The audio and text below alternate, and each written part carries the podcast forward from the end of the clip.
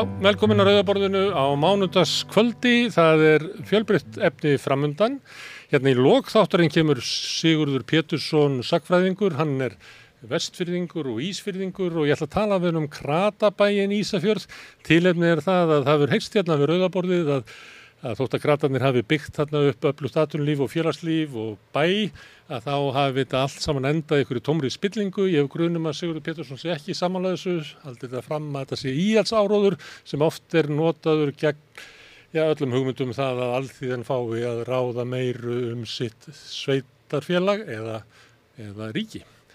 Uh, við ætlum að fara í leikús, við gerðum það um daginn að þá fórum við ettuna og fengum svo uh, leikstjóran hingað til þess að spjalla um síninguna og við fór á Múte Courage eftir Bertolt Brecht í þjóðleikúsinu og ég ætla að fá þar hingað Steininu Ólínu Þorstinsdóttur sem er leik Múte Courage og Unu Þorleifsdóttur sem að setja upp síninguna. Ég ætla að tala við þær svona eins og áhörfandi talar við aðstandendur síninga um það svona hvaða erindi síningin átti, hvort að, að áhörður séu kannski tilbúinir í því að, að hlusta á umfjöldunum stríðið með þeim hætti sem að brekt lagði fram á tímum Úkrænustríðsins, þar sem að við Já, svona flestir í samfélaginu eru á því að, að stríðsi getur verið heilug, þessi heilug barátta og menn að brekt er kannski að lýsa stríðinu sem tilgangslösum mannfórnum sem eru knúin áfram að þeim sem að vilja græða á því. En mest ætlum við að fjalla um Grindavík, það gerir það í tveimur köplum, hann kemur hérna hann uh, Þorvaldur Þorðarsson, uh, eldfjallafræðingur. Og ég ætla að tala aðeins við hann um stöðuna í Grindavík núna en, en kannski láta hann að útskýra fyrir mér svona varnargarðana, hvernig sprungunar eru, hversu langur tími mun líða þar til að hægt er að segja að hættan sér liðin hjá í Grindavík, kannski er það ekki hægt bara fyrir þetta 5 eða 10 ár, guðum að vita það. Það er spurningar sem að Grindavíkinga vilja fá svar við. Til lifa í botlausri óvissu og vilja náttúrulega losna út úr því, fá skýrsvör, en kannski bara ekki hægt að bjóða upp á skýrsvörin. Uh, við heyrum í grindvíkingum, þeir koma hingað Hörður Guðbrandsson og Einar Hannes sonur hans, þeir eru verkalýsreyningin í Grindavík, annar er formaður verkalýsfélagsins og hinn er formaður sjómanafélagsins og ég ætla aðeins að ræða við á um svona baráttu þeirra þeir sem er að heia, stjórnvöldum, lífeyrissjóðunum og fleiri til þess að, að, að, að fá eitthvað svegrum e, fyrir grindvíkinga, fá aukið húsnæði, þannig að grindvíkingar þurfi ekki að hafa ágjur að því hvar þeir eigi að sofa eða, eða búa, þurfi ekki að áhugjur af afkomu sinni, þurfi ekki að áhugjur af því að, að lána dróttandir sér getu begnina þeirra. Ég ætla að ræða þetta við þá og svo náttúrulega bara um það hvernig grindvíkingar eru að, eru að taka þessum hamförum sem eru að ganga yfir en ekki síður kannski viðbrasleysi stjórnálta sem að ég verð varfið að grindvíkingar eru orðinir æ meira pyrraðir á. Sjáum til hvað kemur út úr samtali mínu við þá feðga. En þetta er viðtölun í kvöld. Ég minn ykkur á eins og áður að samstöðinni samstagsverkefni okkar sem að sittum hérna búin til þætti, hérna megin og hinni megin myndavelina gestarna sem yngi að koma og ykkur sem eru að hlusta. Bend ykkur á að þið getur hjálpa okkur að byggja upp samstöðina með því að læka síðunar okkur á Facebook og YouTube, benda öðrum á efni sem ykkur finnst áhugavert, benda fólki á að við erum öllum hlaðvarsveitum, við erum líka í útvarpinu 89,1 á höfuborgarsöðinu, það er líka að hlusta á útvarpið okkar í hlaða niður í síman og hlusta á samstuna hvað sem er í heiminum og við erum komin í sjónvarpið, já þeim heimilum sem að fá sjónvarpið sitt frá símanum vonandi koma önnur fjarskiptafyrirtæki á eftir og bjóða sínum viðskiptafinnum upp á samstöðuna. Þið sem að vilja hjálpa okkur að byggja samstöðuna geta gert það með að gerast áskrifundur, þið gerir það með því að fara inn á samstöðun.is, það er hnappur sem ástandur áskrift, það kostar 2500 krónur, grunn áskriftin, þið sem að viljið með að borga meira, þið sem að kjósið, getur látið áskriftin að renna sem félagskjöld inni í alltíðufélagið og það er alltíðufélagið sem að á og rekur samstöðuna, þetta er fjölmiðl í eigu ykkar. En framundan eru við töl kvöldsins. Með því að ganga í leyendasamtökin stiður þú bara áttu leyenda. Leyendasamtökin eru fyrir alla þá sem vilja berjast fyrir réttlátu húsnæðiskerfi. leyendasamtökin.is Félagar og forvitnir eru velkomnir í Sósilista kaffið alla lögadaga í bólólti 6 kl. 11.30. Tökum pásu frá kapitalíska hversteginum og njótum góðra stunda með félagum okkar. Allir þættir samstæðvarinnar eru fáanlegir á öllum helstu hlaðvarpsveitum.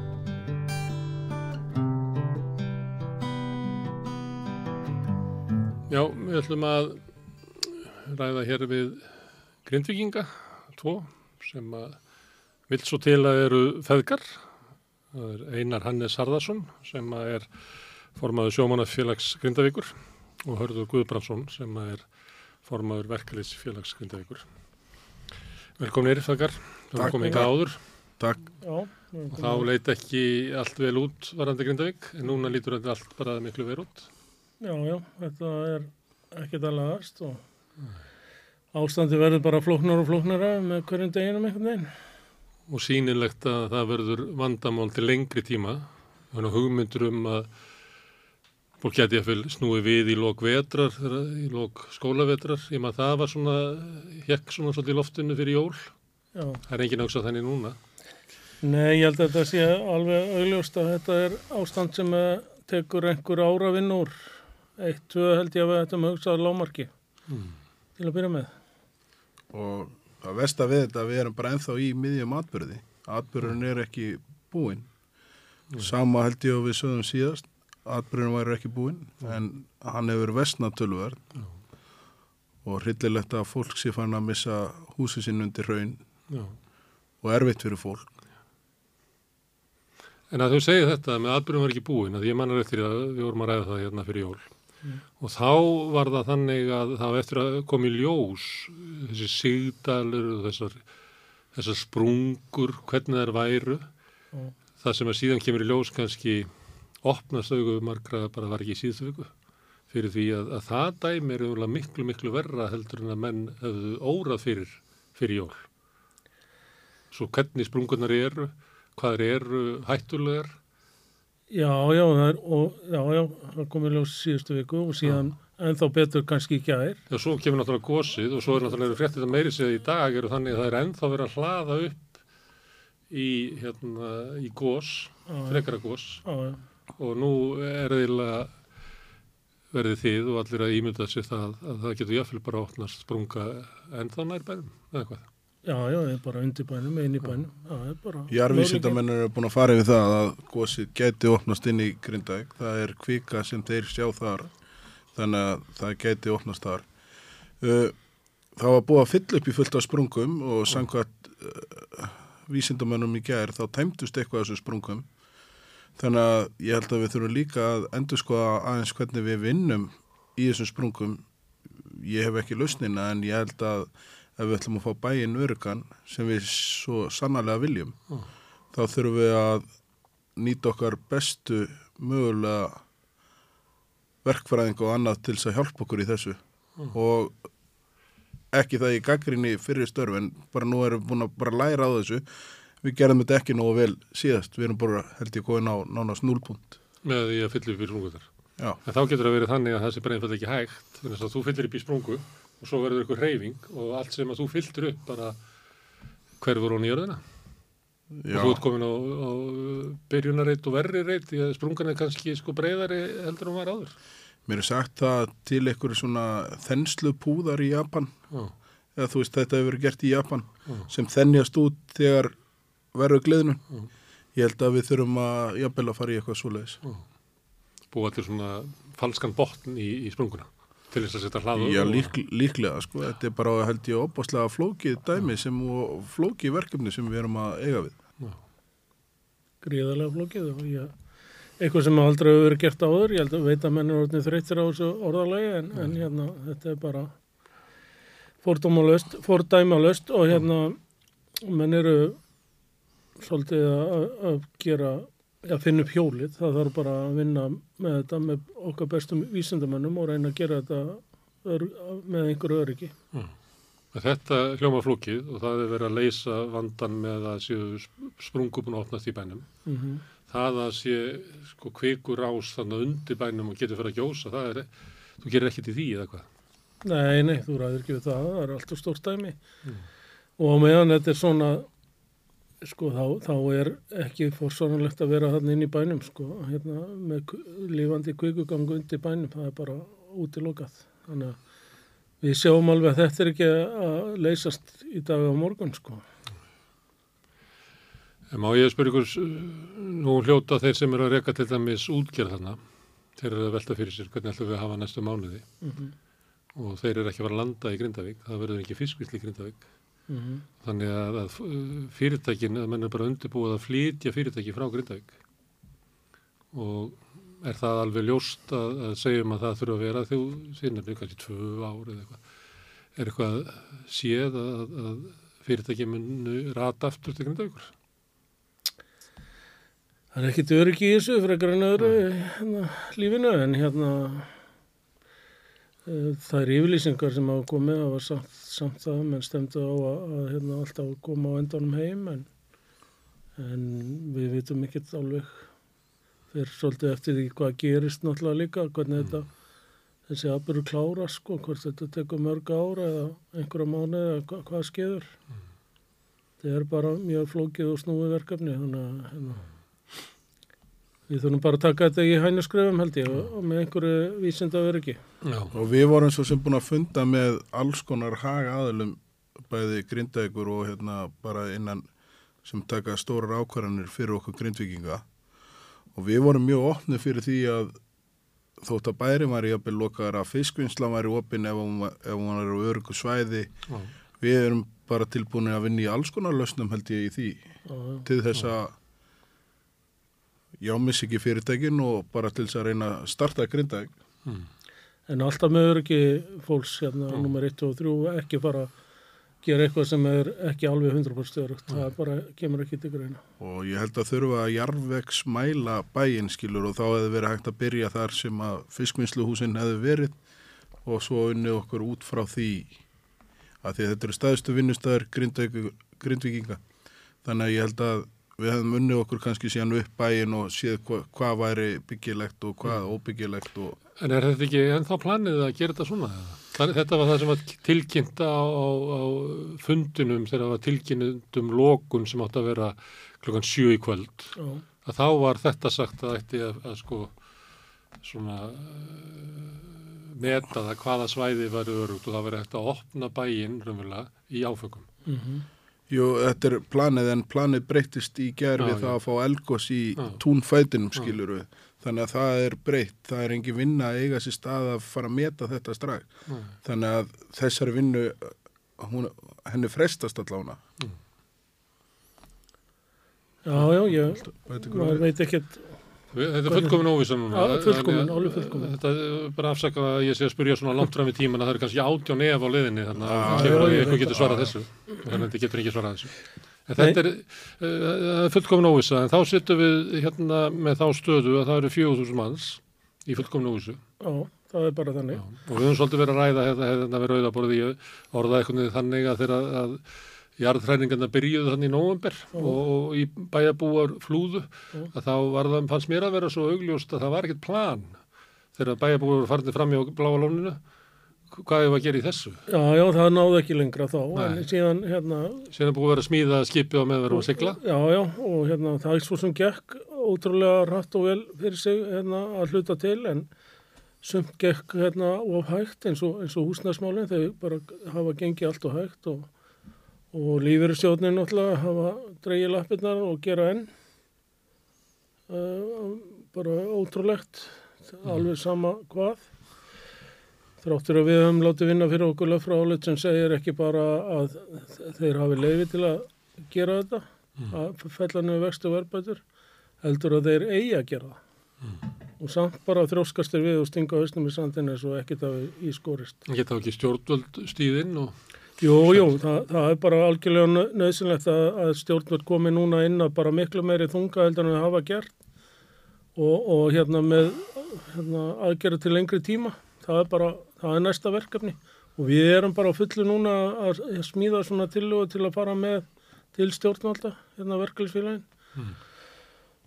Og erum bara að fara í það næstu dag að hitta þess aðlum. Við erum búin að vera að undirbúa okkur, hitta hérna bara starfsfólk hérna stofnana sem að þetta heyrir undir og er að fjalla um grindvíkinga. Þannig að til að geta mynda okkur svona heilstaða skoðun.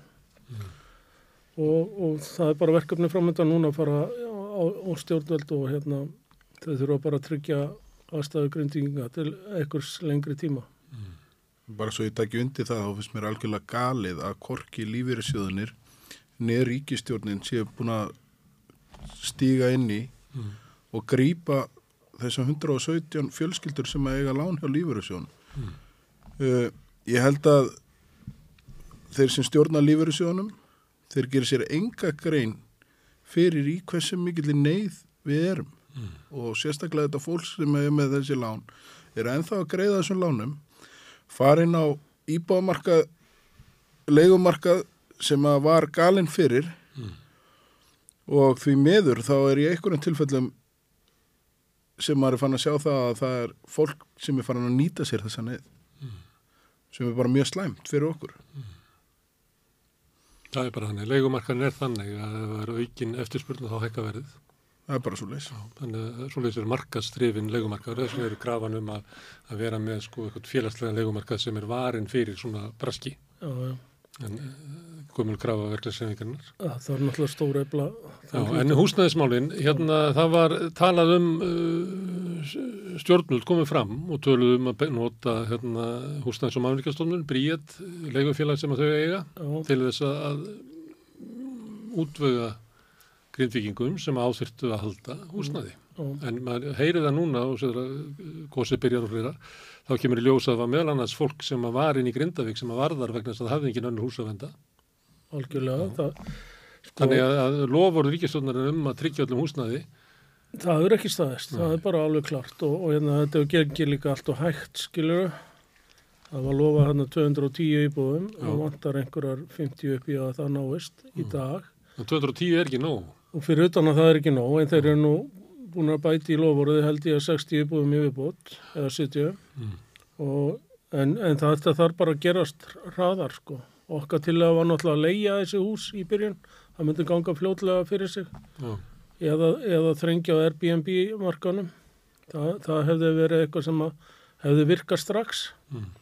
en ríkistofnum vildi fara þessa leið og, og hérna en, en það þarf þá að ganga hraða fyrir sig Já, það þarf að koma fólki bara í undir þak Já. örugt, þar sem að þú getur verið viss um að þú getur verið þarna ekki bara út mánuðin, heldur kannski tvö ár, eða ekki?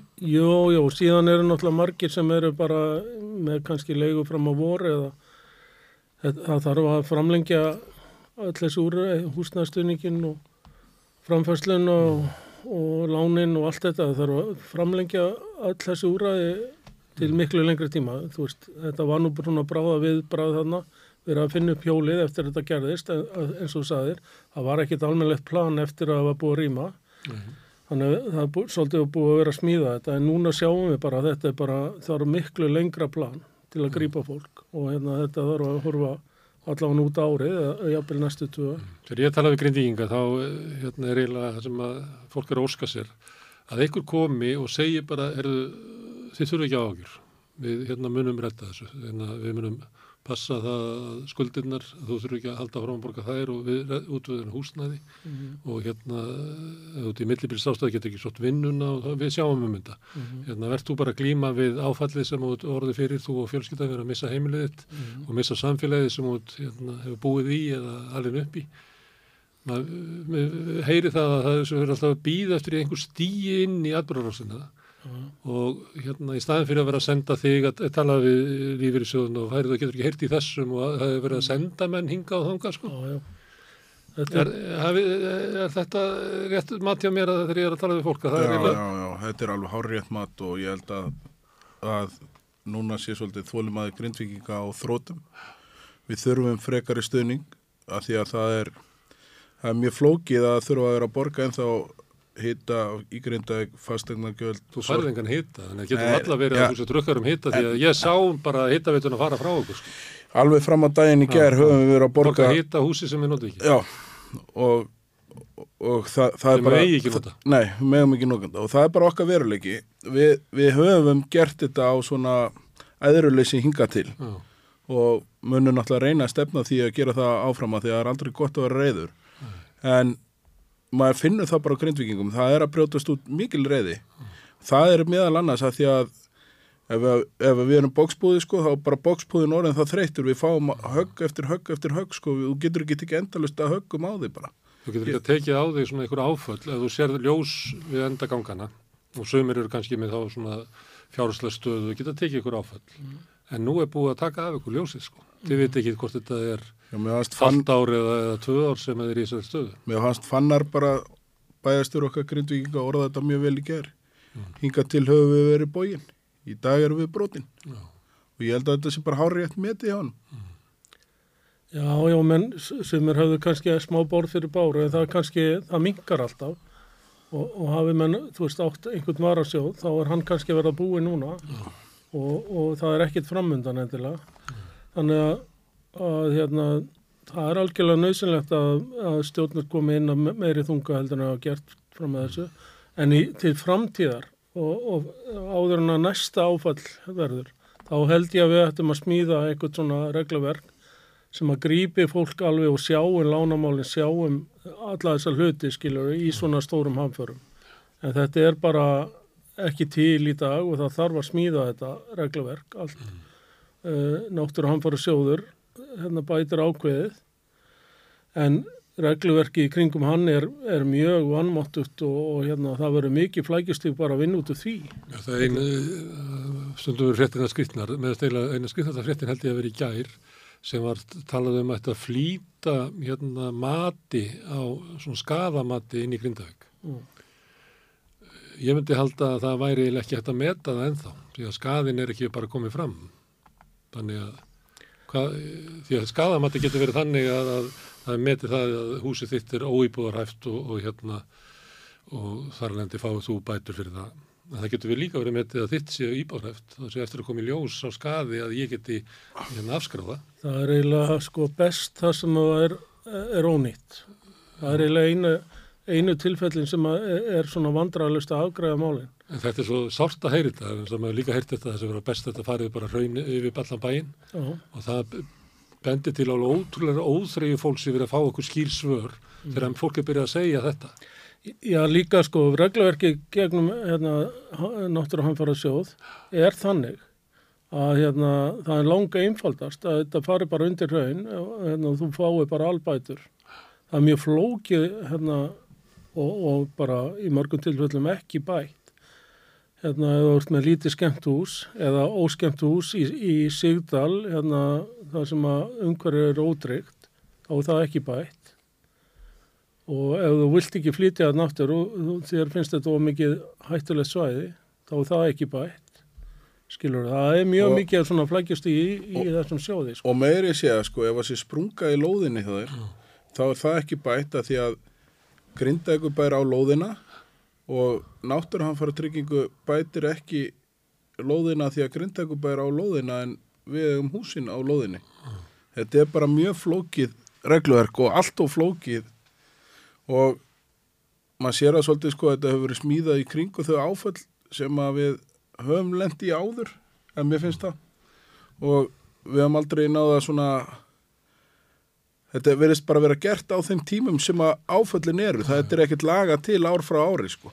Eða á fimm ára fresti eða, eða á skemmri tíma skilur En segjum að þú er húsi í Grindavík og það hefur komið fram núna að það er kvikugangur undir bænum. Og það er ekki hægt að búa þarna allavega ekki næstu svona tvö árin. Og þú getur ekki selt húsið þitt og þú og fjölskyldaðin vil ekki búa þarna. Og þú tristir ekki til þess að fara þarna bara af tilfinningarlegum ástæðum og bara, bara ut og ör, öryggi barnaðina og þú getur ekki selt húsið að það er ósennilegt.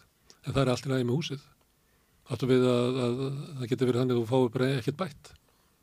Þa- Þannig eru reglunar og við erum búin að hitta meðal annars náttúru hanfara tryggingu Íslands á samt Ragnar Ingólfsson í formanni Vaffer Já.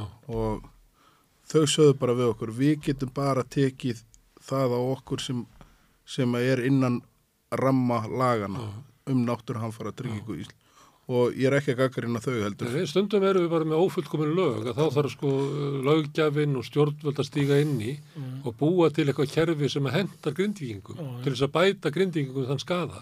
Það er ekki að segja bara the computer say no. Nei, nei. Nei, nei. Og það þarf að gerast þarna. Þetta snýr líka á endurtryggingum erlendis hérna hjá náttúruhanfara tryggingunum skilur þau, þau þess vegna eru ennþá erfiðara með að, að tegja sig eitthvað, það er ekki hægt, það er mjög stranga reglur á því. En þá eru líkistjóðnir líka bara að stíga inn í og, og hérna, koma með það sem að reglurverki næri gefur í dag. Þetta er allt eftir, öll þessi vinna er eftir, við erum komið bara mjög stutt á veg. þrátt fyrir að þessir, þessar hamfari hafa verið að ganga yfir já, eiginlega í þrjú ár Reykjanes eldar byrjuðu fyrir hvað, þreymur árum eða ekki? Já, ég er ekki að vera fjögur. Eða fjögur ár? Fjögur ár. Fjögur núna í mass, Já, já, já. ég held að. Og kannski ekki hægt að gera kröfur um að bara þá mæti menn og horfist í augu við alvarleikan en, en, en sviðsmyndi sem er núna, svo ég notið þetta að leiða orð sviðsmynd, hún hefur verið, ef þú gengur jarðvísdamenn, þá segja þær að þetta er möguleiki, þó ég þetta ekki vera líklegast að niðurstaðan, að þá er möguleiki á því að verði gós inn í grindaðeg.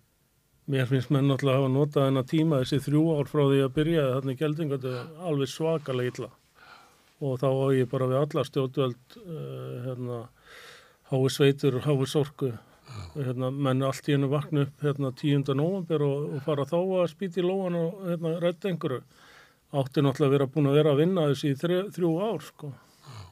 Þannig að þessi tími bara algjörlega vann nýttur á mínum að Og líka búa til eitthvað plan hvað gerist ef við þurfum að tæma Grind, Grindavík og Grindvík get, ekki snúist tilbaka í halvt ár, eitt ár, tvö ár. Hvað, hvað er planið? Algjörlega, það, sko, það er bara eftir að hugsa þetta allt frá aðtilu og græja og gera sko. Þannig að þetta er bara mikil vinna framöndan í þessu. Til viðbúta við allt annað sko, framfæsluna, lánin og, og, og þetta allt sem að þarf að vinna út og líka. En svo er þetta mannlegt að einhverju leiti að því að það, það tekur langan tíma að átta sig á hversu alvarlegt ástandið er. Ég býst við að þið í nóvumber og þið núna þið eru með öðruvísi mat á hamfæriðnar sem eru að gangi í gegnum. Já, alveg 100%. Maður bara, maður er alltaf að býða líka eftir í að þessar hamfari klárist og óvissan um það að við vitum ekki bara eins og við höfum komið inn á áður hvort þetta tæki einn mánu, tvo mánu tí, alveg upp í tíu ára eins og jarðvísindamenn tala um. Meira það er vel. Og- og við, já. við erum allir dauðir áður en það kemur hlýja. Já, og hérna jafnvel ennþá lengur já, í alveg 50 til 100 ár sko, þannig að það óvissan er bara einhver almesti óvinnumans allara grindvíkinga sem til er sko held ég og það er bara mjög vond að vera endalust í óviss og, og fá eins og ég sagði áðan, höggun í höggun í högg og þú veist áfall, áfall, áfall, áfall og þú, og þú veist við erum búin að lendi í tvö, tveimur alveg hryllilegum slissum það dó, dóu hjón líka á grindækuvegi í ömulegu bílslisi og svo lest einn maður sem var við sprungu viðgerir þannig að við erum búin að fá alveg rosa mörg áföll á okkur. Og, og finnst að maður er hér að nýta tækifæri og vota aðstandundum mínar dýfstu samáar kveður Tekundi það. Þetta hefur búið að vera erfiðu tími og veist, þótt, þó svo eh, eins og þið, þá séu stjórnvöld svona kannski hægt og bítandi að átta sig á alvarleikanum, en þá er samt kannski að gera kröfur um að þau séu að skoða verstu eh, stöðuna líka, hafa ykkur svör við henni ef hún kemur upp, í staðin fyrir að svona trista og allt fari vel. Já, já, ég held að það sé bara, við séum bara góðin þangað að hérna stjórnvöld þurfa að stíga inn bara að tölvast miklu meiri krafti heldur en var. Þetta, þetta svo sem fyrsta viðbræð var svona ásættanlega til við sagt en, en síðan vantar alveg eftirfylgnin og mér fannst svona menn vera svona kannski að hugsa, kannski sleppum við bara með þetta, við þurfum ekki að hugsa lengra en, en við bara sjáum núna að það er bara alls ekki rétt viðbröð og við þurfum bara núna miklu meiri áætlun og sterkari fram í tíman. Ég held að við sést núna að ekki bara það að það þurfa að gera miklu meira, það heldur sást líka að aðgerðina sem var lofað í nóvumber að þær voru ekki farinir að virka. Það þó svo að veist, þetta, þessi áföll hafi ekki komið núna. Nei, neða vantaði þarna hluta húsnæðinu sem var lofa, Þa, það vantar að klára hérna lífyrsjóða lánin. Og ef að lífyrirsjóðin vil ekki beigja sig þá verður bara stjórnvöld að ganga inn í og vera já, milli aðili. Það þarf bara að klára þetta, þetta, þetta er bara ósangjant gagvart hérna, þessum sem eru með lán hjá já, það er, dæmið er þannig að þú ert með lán í banka og þú ert í, í, í þarft ekki að greiða, en þú ert með, með lífyrirsjóði, en þú þarft að borga af, af húsnæðinu sem þú ferði ekki að nota. Já, já, og vextir og verðbættu hérna, bættu í höfustólinn Já. og það er verið í rauninni að nota sér neyðina og bætir þessu aftan við lánið. Þannig að þú ert að borga mörgu sinni meira heldur en annars. Þú veist, lífyrirsjóðin er bara nýðast á fólki það er bara ekki döðrið sér og ég bara skil þá ekki hérna með þetta kannski laskað orðspor sem þeir hafa. Að ætla er endilega að, að bara klára það sko, konum með þetta nýri kjallara að minnstafasti. Og og erum við þakkláttir bank, bönkunum að hafa staðið með Mm. okkur grindvíkingum og nú fer svo vinna í ganga við þurfum að fara aftur Fram- til bankana og við þurfum að framlengja þessa, þessa styrki eða sko að þeir felli niður ennþá lengra sko Það bara líkur úr borðinu. Já. Herðu, það sem það er að gera, það er svona, það tryggja að fólk búi ykkur staðar. Tryggja að fólk hafi sko ykkur framfærslu. Já, Það er að tryggja það að það gengi frá lánum og skuldum, að það sé ekki eitthvað sem er að grafa undan fólki á er í viðkvæmri stöðu. nákvæmlega.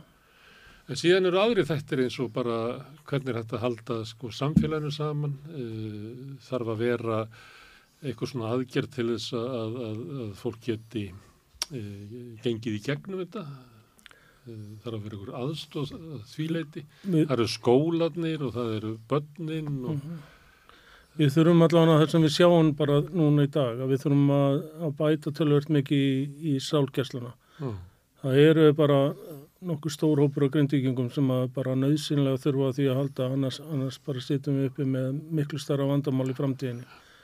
Það, það þarf að taka betur utan um þann þátt. og bara fólk sem er í tráma. Já, og bara misöflega á vegi statt hérna andlega eftir þetta allt saman.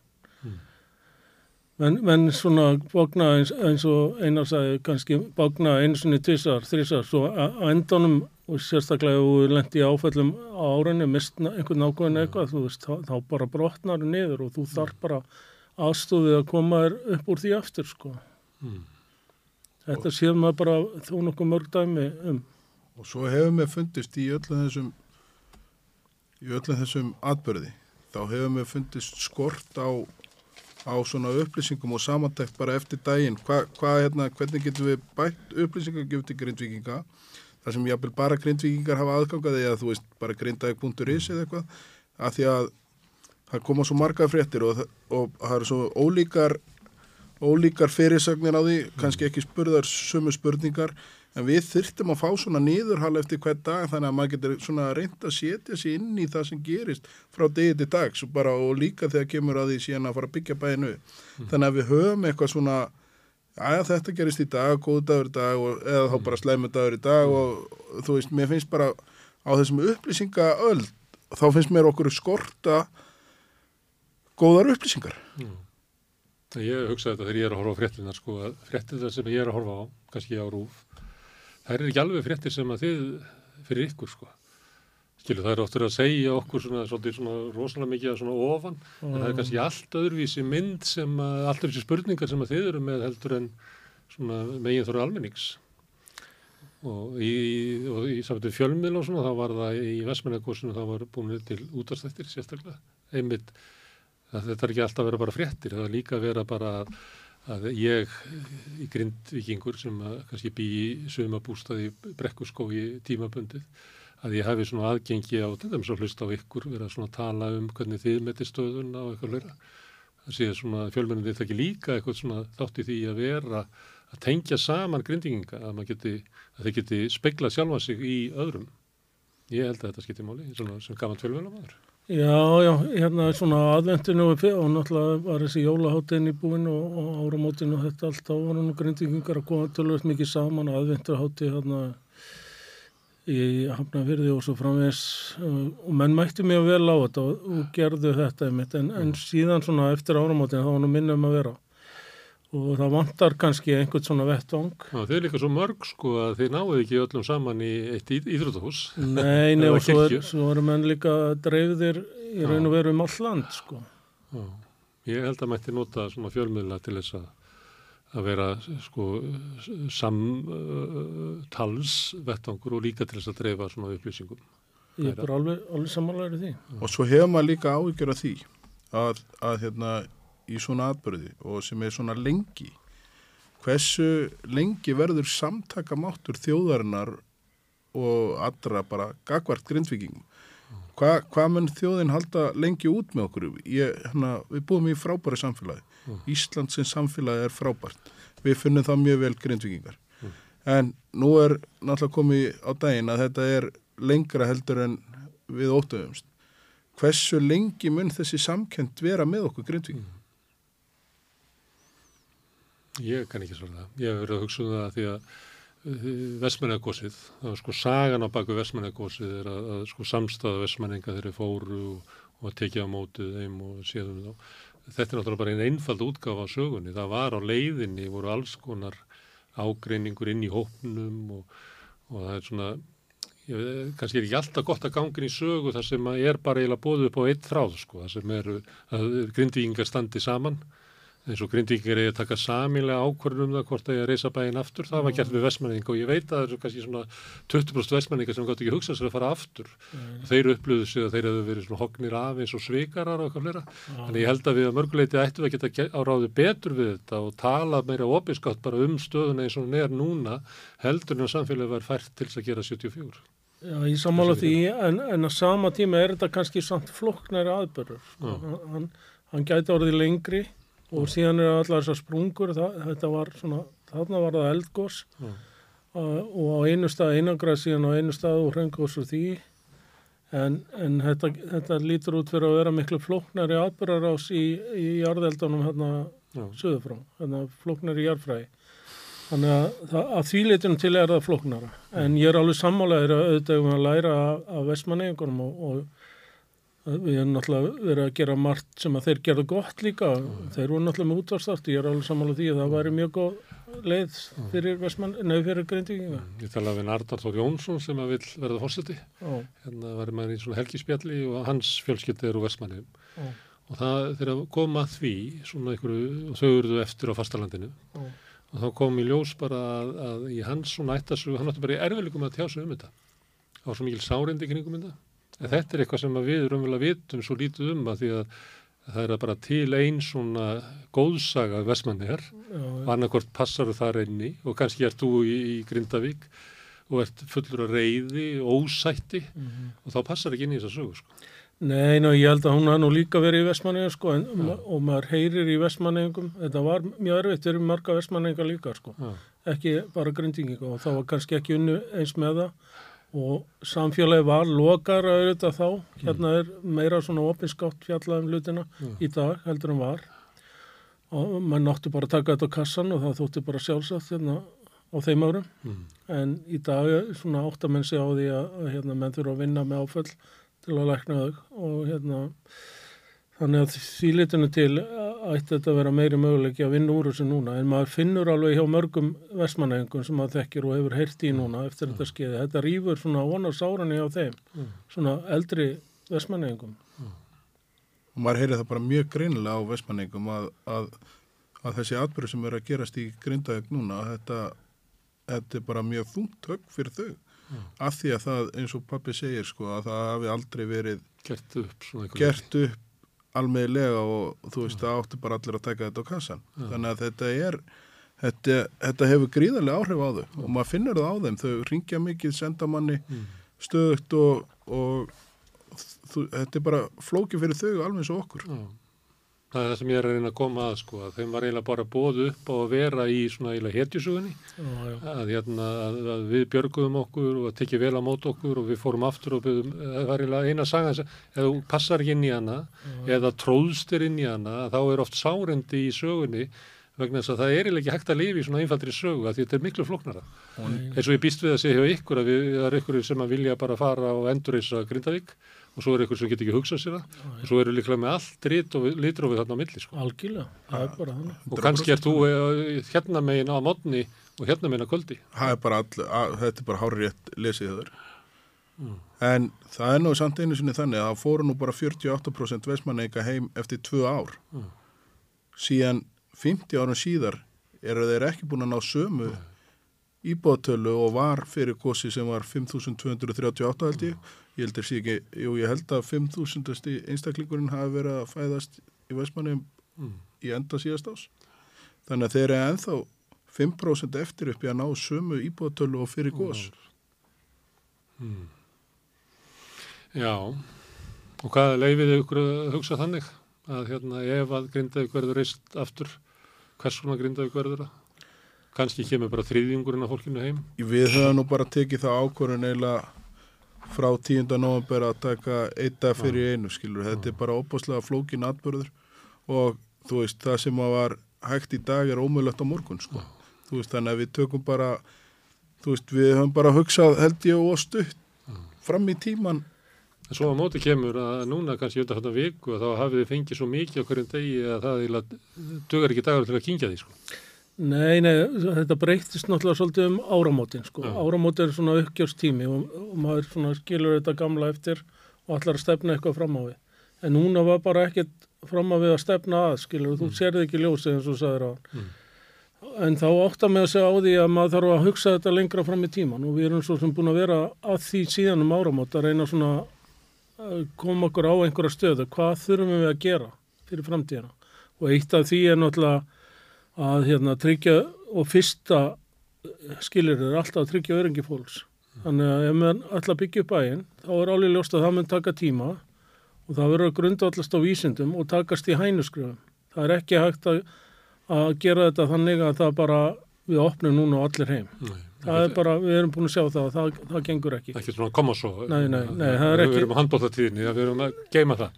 Að því að, því að sumir hafa talað þannig Já. og, grindvikingar bara hérna, notar grindagu hjartað og allir heim en þetta, þetta snýst bara ekki um það lengur sko. við verðum aðeins að bara taka þetta skynsanlega og í hænufetum sem eru örug ekki bara en það mun það bara alltaf enda með bakslægi ef, við- ef við flýtum okkur á mikið Það er að vera svakaleg bakslög núna, bæði hérna, slýsið í splungunni og svo gósið inn í bæjamörkum. já, já. Hérna, uh, hérna veitingamæðurinn sem hefur verið lengst af inn í bænum, hvað heitir hann aftur? Ólaður Arberg Já. Með það hérna í mikill umfjöllun eh, rúf og rúf og mokkin svona fara að setja maskinuna sinni í gang og eru með mikla umfjöllun um þetta. Ég sakna alltaf að það sé meiri umfjöllun um grindvíkinga. Ég segi að náttúruhamfærinar eru, grindvíkingarnir eru, náttúruhamfærinar eru þar. Það er sprunga inn í okkur öllum og inn í samfélaginu sem að mér, ég hérna, sakna alltaf svolítið í umfjölluninni. En mér fannst viðtalið þar sem hann er hérna, tekið í gegnum hérna, rúðuna þarna í bílnum. Fannst það eiginlega sko lang dramatískasta frásögnin sem að var í, í fréttonum hjá Rúf að því að hann var eiginlega að fjalla um þetta sem þeir að tala núna um það, þú veist, hvort þú getist nú aftur er þetta möguleiki þú veist, í, hérna, og hvað er eiginlega flóki mál? Þetta er flókis úrlustunefni þetta er bara mjög flókið og, verður bara grundvallast á einhverju vísindum. Hérna, við getum ekki bara gert þetta á tilfinningum. Það er bara útiloka það er bara búið að sanna sig því miður. Og það er alveg sama hvað fólk vill þetta er ekki gert með því Nei, nei, það er bara ekki Þetta er ekki svona, ef við stöndum saman þá getum við, ekki- verður að beigja sig undir raunveruleikan eins og hann er. Já, já, ég, við ráðum ekki við náttúruna, við verðum að læra að lifa með henni Mm. en hérna, við getum ekki fara að augra henni eitthvað, það bara gengur aldrei. Eitt af því að þið eru að rekka verkefnisfélag Mm. og eru líklega bara mannaðir til þess, ég spurði, spurði ykkur að þessu áður, ég spurði ykkur að þessu í, í, í. Mm. Og þeir eru með svona eh, utanumhald eins og eh, dugar til þess að rekka verkefnisfélag á, á venjulunda í Grindavík. Mm. og bæjarskrifstofnur eru svipað, það eru bara skrifstofa sem er sníðuð í kringu það að rekka Grindavík svona á góðum degi. Mm það er náttúrulega ekki búið að vera góðu dagur núna í 100 daga. Og hvernig er, er, er hægt að vera með sko, þær stopnarnir sem að voru til þess að halda utanum samfélagi Grindavík geta þær haldið utanum þegar þú veist að Grindavík er ekki eða Grindvíkingar eru dreifður út um allt Nei, sko eins og ég sé í félaginu hjá mér að það er mjög líklegt að sjúkrafstjórnin fari alveg á hliðina Já. og það er nú eitt af því sem við þurfum að ræða við stjórnvald, hvernig við leysum það.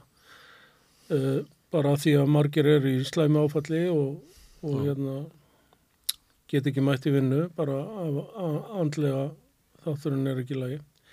Þannig að það, það er bara eitt af því sem er verður erfitt og er, hluti af þessum verkefnum, hérna, bara mörgu verkefnum sem við erum með í fanginu allt í hennu núna. En ég er líka bara að hugsa um bara mannskap til þess að svara símanum og ég býstu að fleiri erindi við þið núna sem forma verkefnisfélagsins heldur en á svona venjulugum janúar degi fyrir fimm árum. Já, það kemur reyndar svona í skorpum, sko, það- eftir hvað er gangi í samfélaginu, hérna, svolítið. En jú, það, það treyst okkur mjög margir og, og hérna spyrja okkur ekki bara um verkefliðsmál, heldur bara alls konar máli varða grindvikinga. Þú ert að semja fyrir sko, um skuldigrindvikinga og Já, sem er já, ekki beint svona ekki, það er ekki alveg um kaup og kjör. Nei, nei, og það er fyrir náttúrulega alla og neða, allt þetta nýtist auðvitað öllum grindvingingum, ekki bara mínum félagsmönnum eða okkar. þannig að, jú, jú, það er þannig. En já, það er svona, það kem, koma mikla skorpur í þessu, en við erum náttúrulega mjög stolt af því, við lokuðum aldrei í þessum atbyrði. Ragnar Þór tók okkur í fangið og, og hjálpa okkur upp hann á sinni skrifstofu og við, við erum með, við lerið þar allavega fram á vor núna, vorum að ganga frá, fyrst fram á áramótum og síðan fram á vor. Og hérna þannig að við, við bara gerum út það en, en sko við finnum náttúrulega að þetta félag er algjörlega nöðsynlegt bara til að svara okkar fé- félagsmönnum og fleirum meir sér um hérna alls konar málvarandi Grindavík og þessar hamfarir allar að því að fólk treystir okkur. Það var byrja meira núna heldur en áður. Og Já. saman með bæjarskustofun, að, að hafa aldrei þurft meira á bæjarskustofun að halda. Þótt að sé, Nei, nei, og hún, hún kannski og, og við náttúrulega öll sem erum í þessu sjálf pínulítið lösku sko, Þa, það var rosalega mikið hérna styrkur fyrir mig að hafa Ragnar Þór hérna andlega heilan við hliðina á mér hérna í byrjun sko, ég hefði aldrei, aldrei hérna staðist þetta öðruvísi og hérna bara klappaði mann á bakið og, og hérna reyfi þetta svolítið áfram á, á sinni bara krafti og orku og, og hérna hjálpaði manni þannig að hérna, þetta skipti gríðarlega máli í byrjun að því að við erum öll e, á einhverju leiti löskuð og hérna, ekki með alveg fulla fimmeila. Hérna, hefði náttúrulega átt að taka bílbrófi til dæmis á öllum grindingum fyrstu þrjár vikurnar sko. En fyrir mig er þetta aðeins einfaldara sko að því að við erum sjómenn vanir að vera burtu og við erum búin að koma mönnum svolítið upp á að nota tölupóð samskipti að því að menn eru, já bara eins og ég segi, mikið í burtu þannig að og Vaffem eða fagfélögin já upp á höfða gripu okkur, sama og pappi sér æðislegt að fá að vera þarna. Þeir bara gripu okkur strax, við þurftum ekki heldur að loka, við, við lokaðum í tvo daga bara meðan við vorum átt okkur á stöðinni. Þannig að við við erum jáfnsterkir og við vorum áður að ég til. Gott að heyra það, því að það skiptir náttúrulega máli að, að Grindavík hafi fórustu í sínum málum. Það er ekki gott að vera að þið renni ykkur inn sem skúfa í félagsmálundinu. Nei, nei, og þess vegna, Grindvíkinga verða að hafa sjálfur röddum það er vilja Já, að já, móta sínar eigin kröfur. þess vegna hefur maður nú kannski verið að skipta sér af í rauninni aðeins út fyrir svið verkalisfélagana, skilur, að því við höfum rödd og við höfum aðganga hérna ráðafólki og, og hérna það er hlustað á okkur. Þannig að við höfum bara tekið að, að okkur þetta hlutverk sem við höfum ekki séð að aðri væri að fara í. Og hérna þetta bara held ég að skipti gríðalegu máli fyrir fólk. Og, og reyndar bara líka fyrir stjórnvöld að vita hérna hvað þarf að gera, skilur, að fá, fá upplýsingar um það beint frá fyrstu hendi í rauninni. Herðu, Harður og Einar Hannes, kæra þakki fyrir komuna. Takk fyrir okkur. Og við ætlum að halda áfram að reyna að skilja samfélagi sem við lifum í og, og kannski Grindavík líka. Við ætlum að fara frá fólkinu í Grindavík og við ætlum að bóra okkur hún í jörðina með aðstóð Þorvaldar Þorvarssonar. Hvernig getur við réttlætt að sívaksandi hópur eblingarfólks festist á legumarkaði? Ebling stjættarfélag. Segðu það á samstöðinni.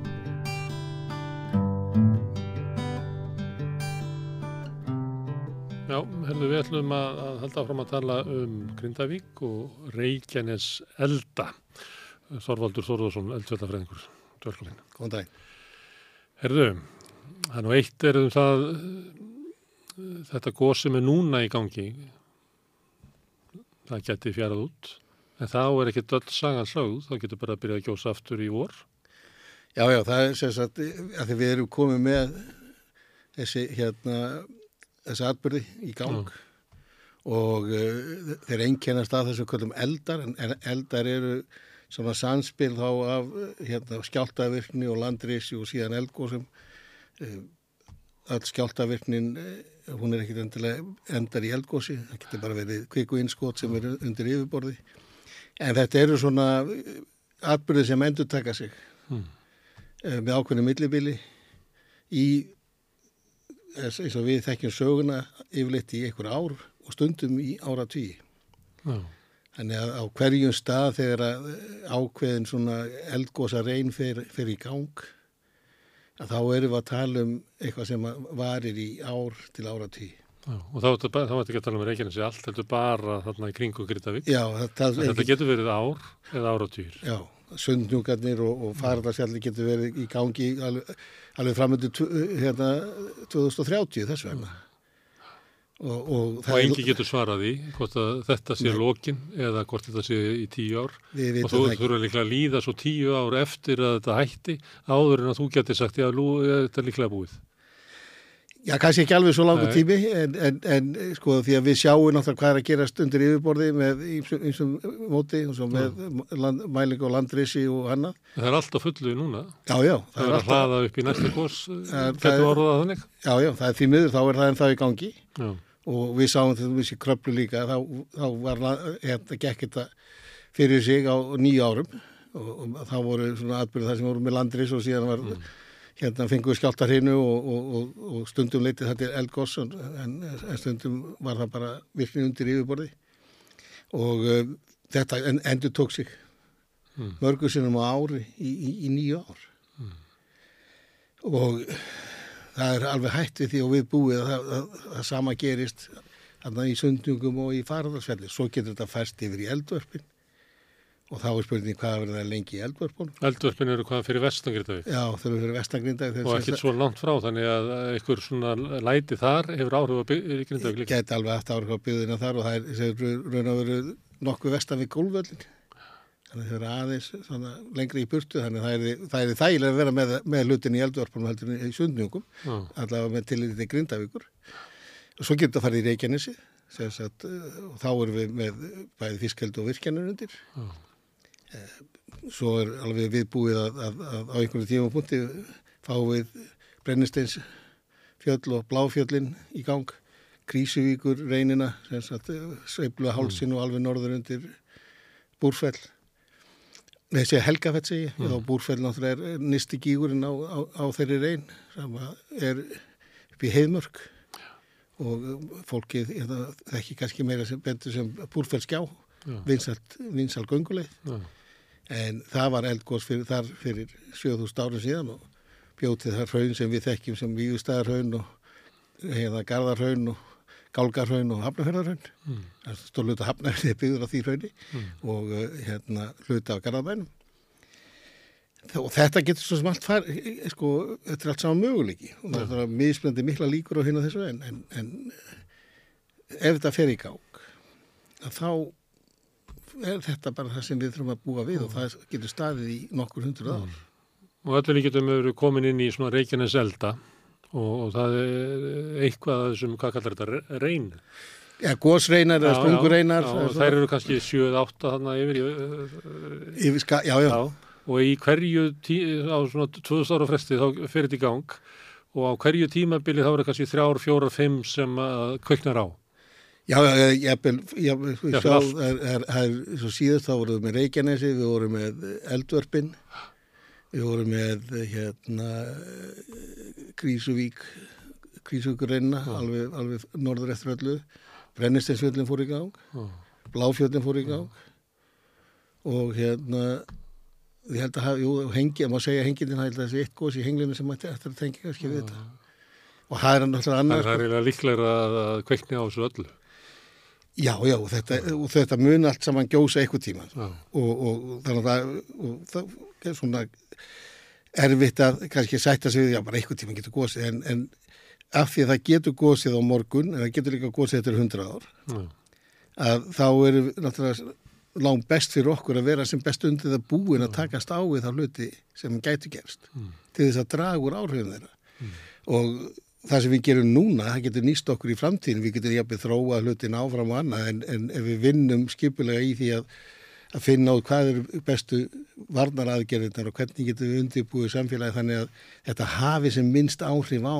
Við, við erum ekkert sérlega góð í þessu sko, þó svo að hafi verið dregin upp að þetta geti farið í gang, að Reykjanes eldar myndu byrja aftur, líklega bara okkar líftíma, að þá er ekki svona kannski undirbúningurinn, ég var hérna að ræða hérna við grindvíkinga og þau voru að tala um að það er eiginlega byrjað að byggja varnagarðana þegar það gósiði byrjað Já, við erum mjög góð í viðbræði. Já, en við erum ekki góð í undirbúningi. Við erum ekki góð í fyrirbyggjandi aðgerðum og undirbúningi og, og, varnar aðgerðum. Það er- verður bara að segja sér. Þar erum við frekar aftarlega á meirinni og við getum tekið Japan, Japani sem, sem fyrirmynd. Þeir eru mjög góður í fyrirbyggjandi aðgerðum.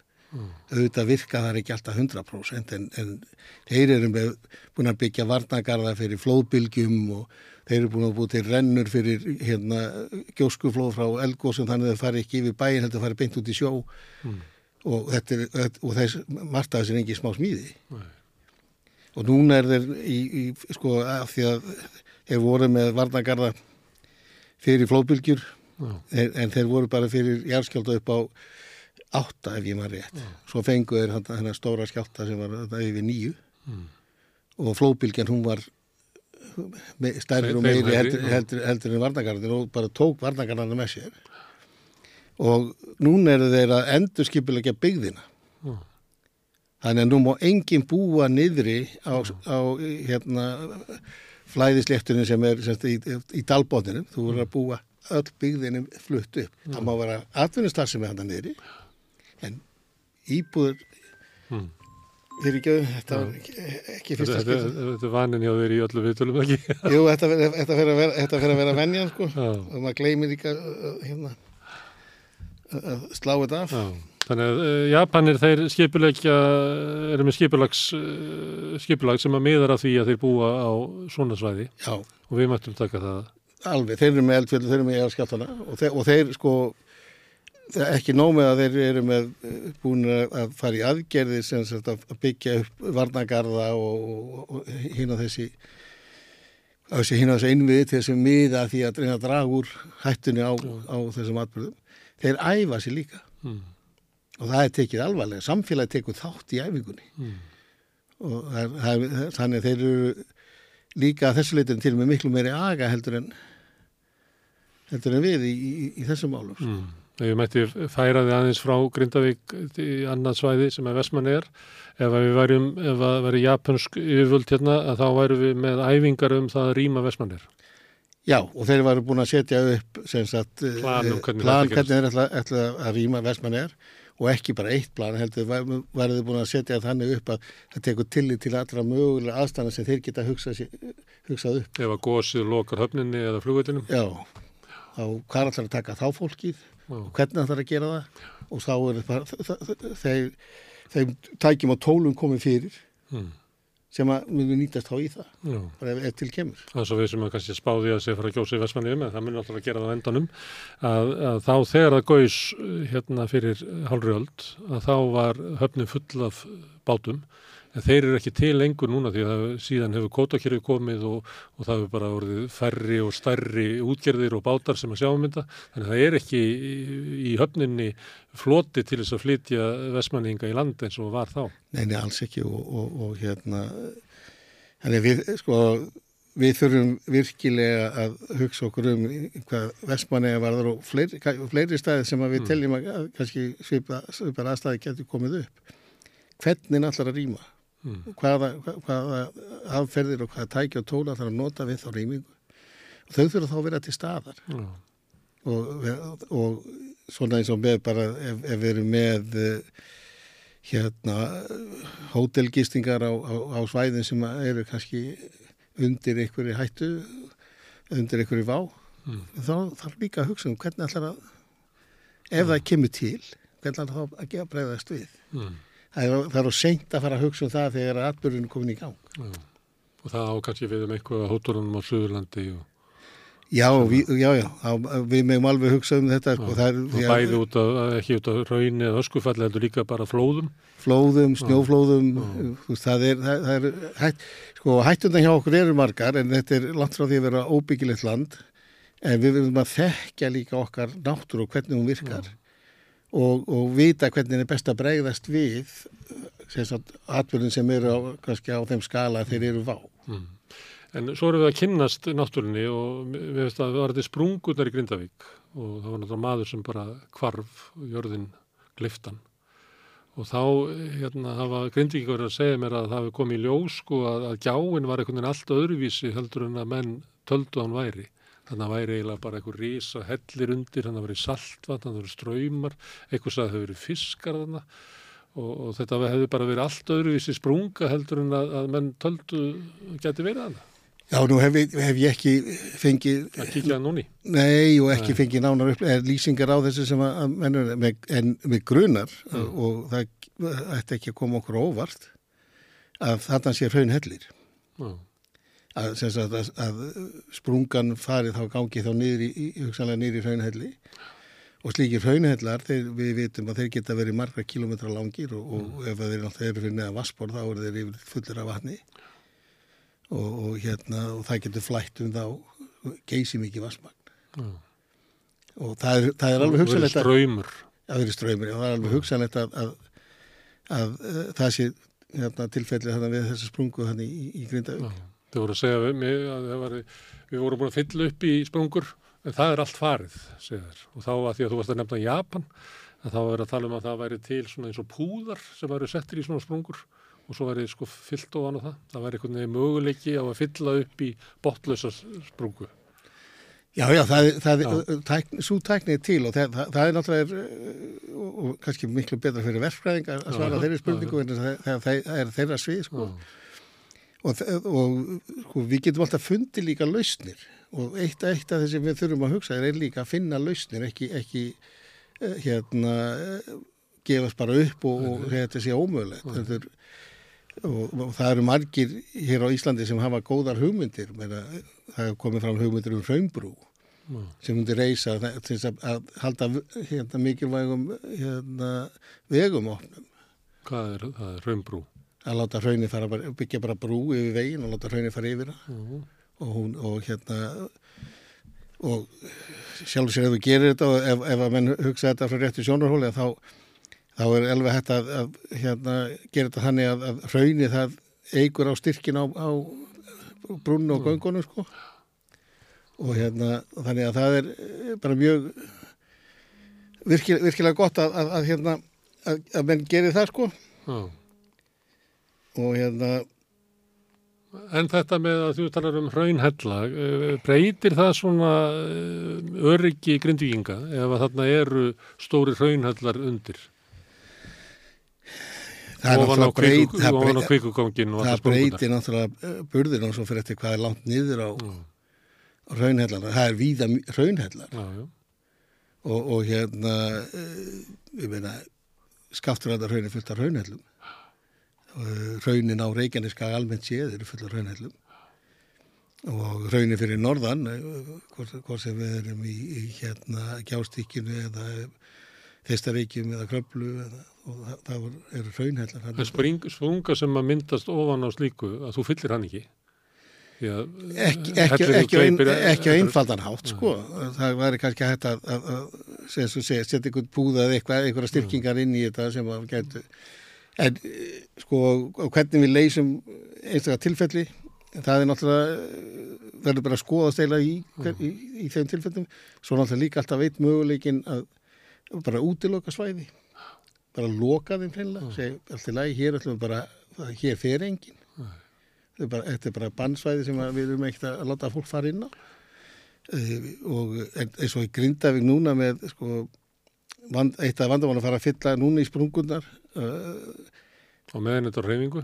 þetta er á reyfingu þannig að, að, að það er kannski ekki Þú alveg myndi vilja bara býða og sjá til þegar að þessi kaplir er gengin yfir, að þá sé þetta að meta það hvernig þetta, hvað það gera. ég hugsa að það væri betra að gera það svolítið En þessi kapli gengin yfir, það getur verið tíu ár. já, því miður er, þetta, er, þetta er ekki eitthvað sem gerist 1, 2 og 3 Annað sem að eh, menn voru að velta fyrir sér eh, þegar ég var að spjalla við grindvíkingana var Sigdalurinn. Af því hann dunkar þannig niður eh, hérna í fyrir áramót. Og nú eru svona sagnir um það að hann sé að síga enn meira. Og einn hérna vissi að ég ætlaði að tala við þig. Það sagði, spurði hann sko hversu langt getur þetta dunkað? Og þá voru menn bara að velta fyrir sér sko ef þú ert að hugsa um mjög langa tíma hugsaðu þá um þingvelli Ég er reynd að segja það. Farðu bara í almanakjá og horfðu upp eftir vegnum. og horfðu síðan á þingvallavatn og horfðu, á- horfðu hversu djúft það er En er það En- ekki atbyrður okkur starri skala heldur en eru þarna? Já, það, það tekur miklu lengri tíma. Já. Er, við getum líka farið upp í heiðmörk Mm. og, og hérna, sem sagt, ef við komum að, sem sagt, að hérna, búrfjallsgjánni þar sem að fólk leggur yfirleitt og lappa síðan upp, í- upp, í, upp gjánni upp í gíg, Mm. Að þar eru misgengi og ef þú lappar eftir gjánni þá ferður niður eh, eitt af þessum misgengjum og það er, er svona 6 metra fall þar. En ef þú horfir bara norður eftir og horfir á klettana sem eru þar fyrir ofan, það er brekka sem menn keir upp og síðan keira með niður hérna hinum einu og niður í Sigdal sem er sem eru sléttunar, græsléttunar fyrir, fyrir norðan að það er fallið 62 metrar en það er bergi sem er þar það er náttúrulega búið að vera til í cirka 200-300.000 ár og það er þá hreyfing yfir þann, þann tímaskala en raunið er 7.000 ára og svo getur maður reiknað þá er þetta að tala um sko, ef þetta myndi vera jæmt og þétt sig þá er þetta að tala um 1 metra á 1000 árum en Já, ge, en það gerist ekki játt og þétt. nei, þetta gerist í, stökkum. Og atbyrðum. En þetta, sko, þetta er við bara í bæjatina hjá okkur. En varðandi þetta sem er inni í bænum hjá, hjá grindvíkingum, að hann er búin að dunka hana. Uh, er þetta að segja, já, hann er núna búin að dunka og þá gerist það ekki næstu þúsund árin. Það er svolítið erfitt að því að tíminn og jarðfræðin er svo gl- Já, já, ég hugsa að það, það verður nú einhverja reyfingar hérna í Grindavík á næstu árum. Já. En svo jafnar þetta sig og, og, og, og, hlutinni róast og við getum kannski skætti 5-10 ár, þá er þetta, orðið, er þetta sem sagt gengið yfir þessi hrinna og þá er nú svona líklegt að menn fái frið í svona cirka 800 ár og, og hérna og síðan endur tekur saga sig sko. En þetta er atbyrði sem er að ganga yfir sem að er að öllu líkjötum sko næstu 5-10 árin. Já. Það er ekki þannig að við getum fengið ykkur svör í vor eða næsta haust eða það bara er ekki í bóði. Nei, því miður þá er það, og, og jafnveg þó allt fari í, er- er- leggist í ljúfa löð, sko, þá hérna getur það tekið sér upp aftur. Og, eh, og þannig við verðum, Eða fara að- eitthvað gangi Já, færi sér sem að, sko. reyfir jörðina í Grindavík. já, já, miður þá verðum við bara að vera þólimóð. Og þetta, þetta alltaf verður þólimæðis verk að, að, horfa á þetta allt saman og, og, og gangi gegnum þetta. Eitt sem að hérna eh, fólk hugsar þegar að horfir á loftmyndina þá eru varnagarðanir Já. og eh, nú þú, veist þú hvernig hérna raun hugsar. Það að varnagarðurinn er þarna er hérna hvað kallið þetta, svona raun elfurinn sem er þarna, er hún út af því að varnagarðinir eru þarna? Eða eh, getum að tekið eh, þennan, eh, þennan raun elf sem er þarna og fært hann bara yfir Grindavík og sagt að ef að varnagarðin hefði ekki verið þá hefði þessi spýja gengið inn og langt inn í bæinn? Hún hefði farið nýri bæ. Og við sjáum það bara á, á raunhermunum. Já, Og það, það, þá hefði mikið, mikið meira bænum farið, sko. já, Og varnagarðin hann, sem sagt, Hann er virkaði hálf- mjög vel. já. þótt þessi bara hálfu byggður, hann átti að vera hærri Já, hann átti að vera hærri og hann átti, að- átti að að vera lengri og síðan átti að vera komið fyrir hann líka á austanverðu. Og en það- alveg, sko, að Hraun Elvan, hún er þráðbein út af varnagarðin og hún, bara, hún fylgir honum alveg eftir. já, Og það eru tvær ástaf fyrir hann, varnagarðin er hann, en síðan fer, sko, Hraunið, jáðarinn, hann fer að kólna. mm, þegar það er að flæða og raun, raun, raunið er að byggja raunavöru bara hérna, byggja við garðin já bara byggja bakka Já, Við að- garðinn. já, og það byggir upp sagt hérna, svona bakka fyrir, fyrir, raunelfuna Mm. og eftir því sem að raunelfan hérna hækkar þá slettur hún bara aðeins út og þá byggir kantana upp alltaf meira og meira og þeir hafa svakalega mikið styrk. Þannig að, að þeir eru ekki fullstorknaðir. Mm. þeir eru yfirleitt sérst, kjarnin í þeim hann er á þessu hittastispili sem er, er svona byrja 800 og 1000 gráður. Og þá er, efni deikt en þetta deiga efni hefur langmesta styrkin af öllu, bæði miklu meiri styrkandur um hraunvögvinn og eins líka hérna kólnarhraun því að þá kólnarhraun þá ertu komið stuðla. Og það, stuðlarnir, sem stuðlarsprungunar eru allir, allir veikleikar sko. þannig að, að, að hrauni hjálpar okkur. Þó svo elvan hækki þá hækkar kanturinn með. Og hraunir verðist muna eftir þessu. Já. þú veist að það, það er svo magna hvernig þetta gerir þetta. Þetta er svo hugsanabrautur í heilanum. Já, já, það er man sem hvert á að að fara. þú er búin að koma, þú er búin að byggja garða hérna, Mm. Þá haldast garðarnir að nokkuð, þeir bara byggjast upp. Og til þess að halda við þá, þá slettur hraunni yfir og þá leggst það sem sagt upp að garðinum auðvitaðverðu. Já. Þannig að Og efsti barmurinn á garðinum, hann er aldrei kannski nema 2-3 metra fyrir ofan hraun yfirborðið. Þannig að, að, að elfurinn, hann heldur áfram að byggja garðin. Já, og þetta er... Og það er ekki tannig að því hann sé einhvern veginn eðlistingdri eða ég er ekkert góður í eðlisfræði að það hérna, verði svona þrýstingur og garðurinn hérna, haldi ekki rauninu. Eða er- ef við erum með svakalegt magna hraunni. Þá er það bara raun sem að myndi bara ganga já, beint á það- það er garðin þyng- en ekki ef hann er að renna með honum. Nei, ef, það hefur út, ef, þú getur kyrt það með, semst, leitt hraunið Já. Eftir farvegi sem helst greiður Mm. fyrir hraunflæði og þá á inn á svæði þar sem þú getur sett eins mikið magna hraunið eins og þetta er hug. Það- það sem við ára hugsa um, það er sjórinn í okkar tilfelli. Þá held, við heldur við bara ástandinu því að þá ertu bara komið stöðu flæði og, og stöðu að hraun á og hún bara tælir en en leið og fær fyrirstöð ykkur staðar þá, þá, þá fara Þá hlutur vil að hún gerast. riðja í burtu. Já, og reyna að ríða burti en þá líka getur hækkað í henn og hún fyrir að flæði yfir og Já, já. Er þetta það sem að menn eru að, að sjá betur núna eða vissu áður þannig að við gætum raunverulega að nú talað oft um að geti runni raun í völlunum í, í Hafnafyrði já, að við gætum smíða þar einhverja svona rásvipað og Japanir hafa gert í sambandi við gjósku. þe- þetta er hluti sem við þurfum að skoða. Sko, sumir okkar náttúrulega uh, vissum að þetta, þetta er, er hægt að gera þetta og það eru mar- margir sem að voru skeptískir. Og ég held að flesti séu nú svona samilega vel sannfærði núna eftir að horta á þetta hann í gerði að 80% af þessu hraunir sem kom upp, hefur komið upp það er fyrir norðangarðin. En uh, sko hvað við það gerum munur á því hvort að setja loka geldingadölum þannig að raunni haldist þar inni því að þá vill raunni vera íta garðinu burtu eða hvort það sé beint tal- ef þú, vilt, já, þú leiða það fram hér Já. og endan ef, þú ert sko ef þú stoppar, setur bara fyrirstöðu og ef góðsig heldur áfram þá endan að fer það yfir og, og reyður fyr, fyrirstöðun í burtu verðan þess að þú komið það mikið magn aftan við sko. það er bara þing, þingstinn á massanir sem þú búin að sapna fyrir aftan við en, en ef þú leiðir hraunið inn á stað þar sem að getur tekið við mjög lengi Já. að þá ertu komið miklu betra ástand og þá er auðveldur að vernda það sem þú, það sem þú vilt ve- vernda. Já, og við þurfum að vera góð í þessu því að við munum búa við elda á Reykjanesi Já, já, og vita hvað, hvernig við ætlum að gera þetta. Mér er eins og, sko, ég, ég þetta sé engi þurfa að fara að byggja varnagarða fyrir ofan vellina. En það er, ég þetta sé komin tíma að við förum og skoðum aðstæður.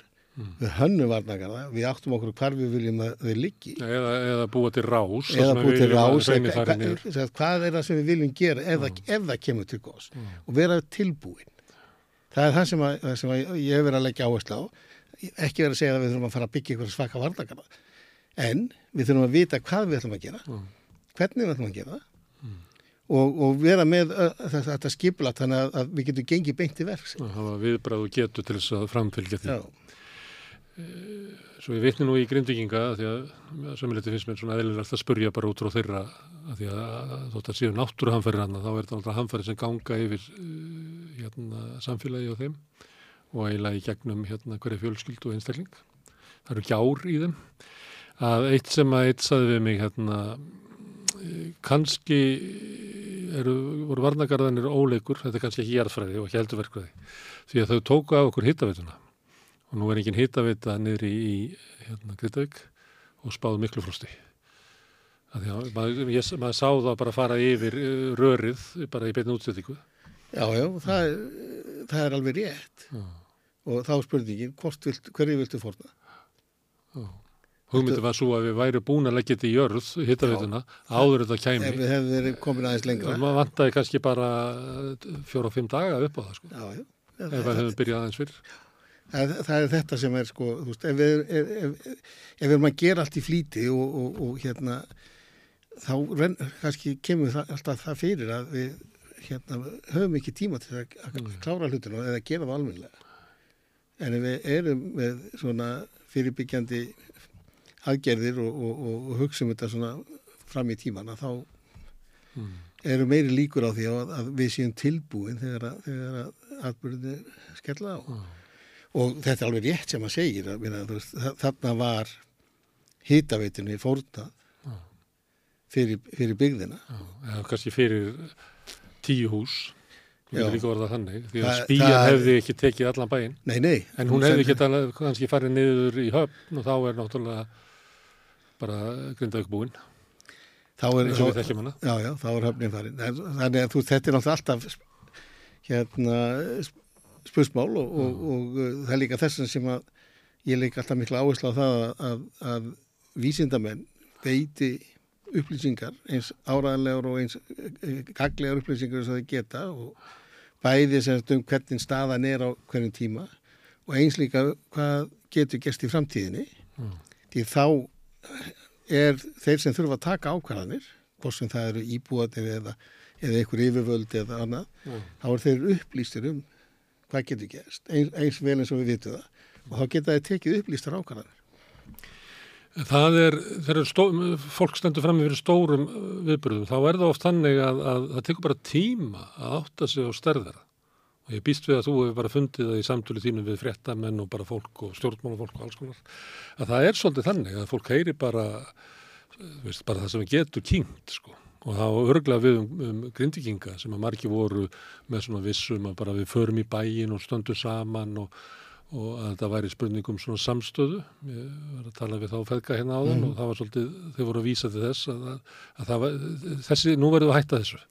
Nú verðum við bara að fara að horfa á hver raunveruleg staðan er og það eru um, langu tími liðin síðan hann í byrjun nóvember þegar að jarðskjáltanum voru að ganga yfir og kvikagangurinn að myndast undir bænum og menn er bara enn þá að meta það hvað þetta er raunverulega stóri viðbyrðir Já, og, og svo á hérfæðilegum skala er þeir litlir. Það, það, er kannski, það, það, er kannski sem er svona kannski hræðmann Já. pínlítið og uh, þú meinar að við getum fengið eitthvað verra á Reykjanesi kannski ekki mikið á Reykjanesinu en, en annars þar á Íslandi hefur við, hefur við fengið stærri atbyrði og, og, og það er kannski skemmst að minnast á, á hérna skaftarelda og, og ef við horfum bara á hraunið Mm.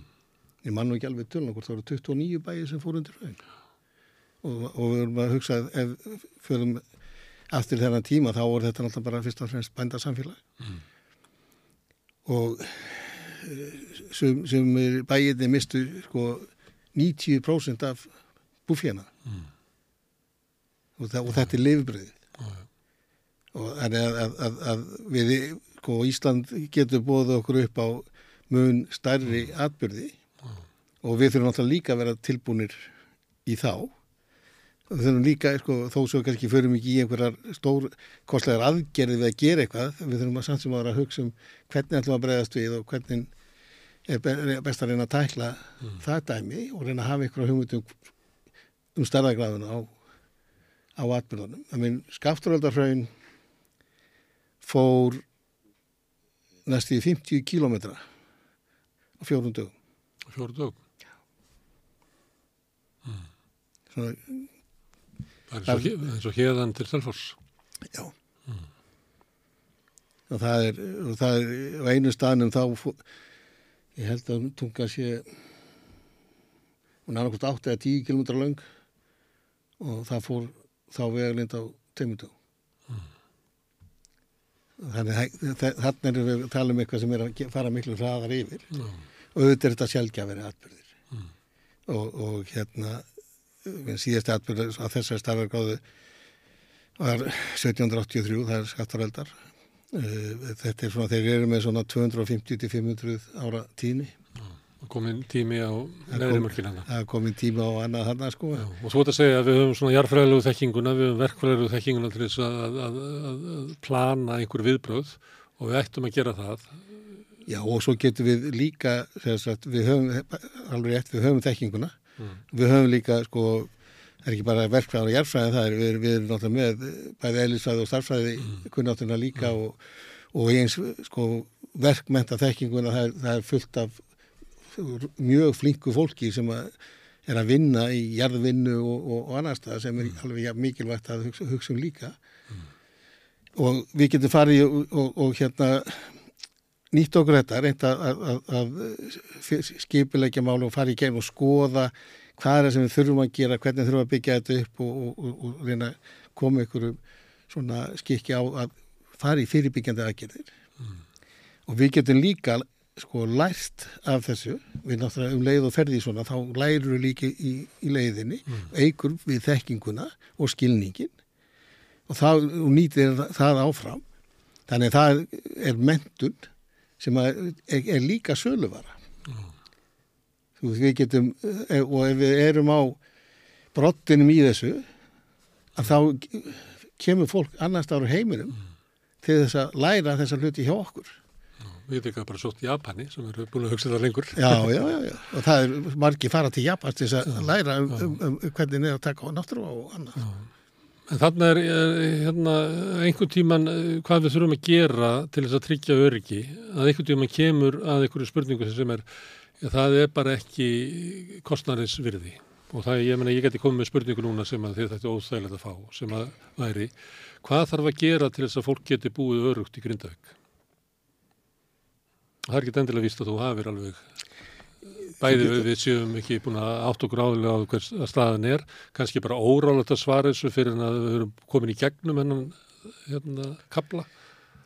Já, ég held, sko, ég held að það er á ekki bara við grindag, það er raun og verið alveg saman hvað þú býr, þú ert aldrei 100% örugur. Nei. Það er engi staði sem er, þú veist, alveg örugur. Það er alltaf eitthvað sem að, að, að hérna... Það er allir staður í Íslandi örugar en Grindavík okkur núna. Já, já, það er alveg rétt. Uh og eh, spurningin er kannski frekar sko hvað þurfum við að gera svo að áhættan sé ásættan mm. Að, að fólk vilja mm. halda áfram að búa í Grindavík mm. og það er, ég ég, svo sem hef ekki neina lausnir svona, svona framur erminni hvað það var þar en, en það er hægt að hugsa dæmi frá ímsum sjónarhólu og var spurning hvað er hakkvænt fyrir samfélagið og, og, og hérna Eh, hvernig menn vilja takla þetta mann getur hugsað sér alltaf við viljum að hafa vinnu aðstöðin í Grindavík en við viljum að, að, að hérna, be, hafa byggðin eitthvað annar staðar mm. eh, ef, ef við horfum bara Sveipa á dæmi svo tóðs frá Japan að þú máttur byggja atvinnu starfsemi á botninum já, já. en íbúðunar fyrir ofar já. og eins og ef ég bara horfum á Grindavík núna mm. að þá hefði, ef, ef menn er hugsað um að þróa byggðina þá hefði það sennilega verið miklu skinsanlega að þróa byggðin út á Þórkollunis mm það er, það, er, það stendur herra mm. Uh, raun sem að kemur þetta niðrætti það myndi alltaf fara sikkur með við það. Mm. það er svona bara úst, en, það, það er eitthvað sem menn hefðu gett að sé fyrir ef að menn hefðu spurt réttur spurningarna sín já ég held að það, það er ekki eitthvað sem er að koma í ljós bara núna er, Akkurat, og það er, sko, við þurfum að taka þetta inn í skipilasmáli og það er þess að sem líka tala um sko að við þurfum að menta okkur. Við þurfum að auka þessa þekkingu í landri, hvernig við þurfum, getum unnið með náttúruvá og, og dreigið semst úr hættunni sem henni er tengt og það kem, koma svo mörg svið inn í. Og þetta er líka tryggingamál og annað. Við þurfum að auka okkar þekkingu á þessu hlutum. Mm. við þurfum að menta sagt, yngra fólki mm. á mjög breyðu sviði sem nær alveg frá jarðvísindum og yfir í, í félagsvísindin og í, þá í gegnum tölfræðin og ellisfræðin og verkfræðin og, og, og, og það er eftir gottunum sko. Mm. Og við þurfum að byggja upp þessa þekkingu í landinu. Mm. við getum gert það með, með því að, að setja upp til dæmis ákveðin prógrami svo mistaranám sem er, er, er þerrfælet mistaranám mm. geti ég hefði verið þert á alla háskóla geti verið hamfarafræði. eitthvað svo leiðis mm. og, og allir háskólaðin taka þátt í hver, hver er kannski með sinn hlut og annað.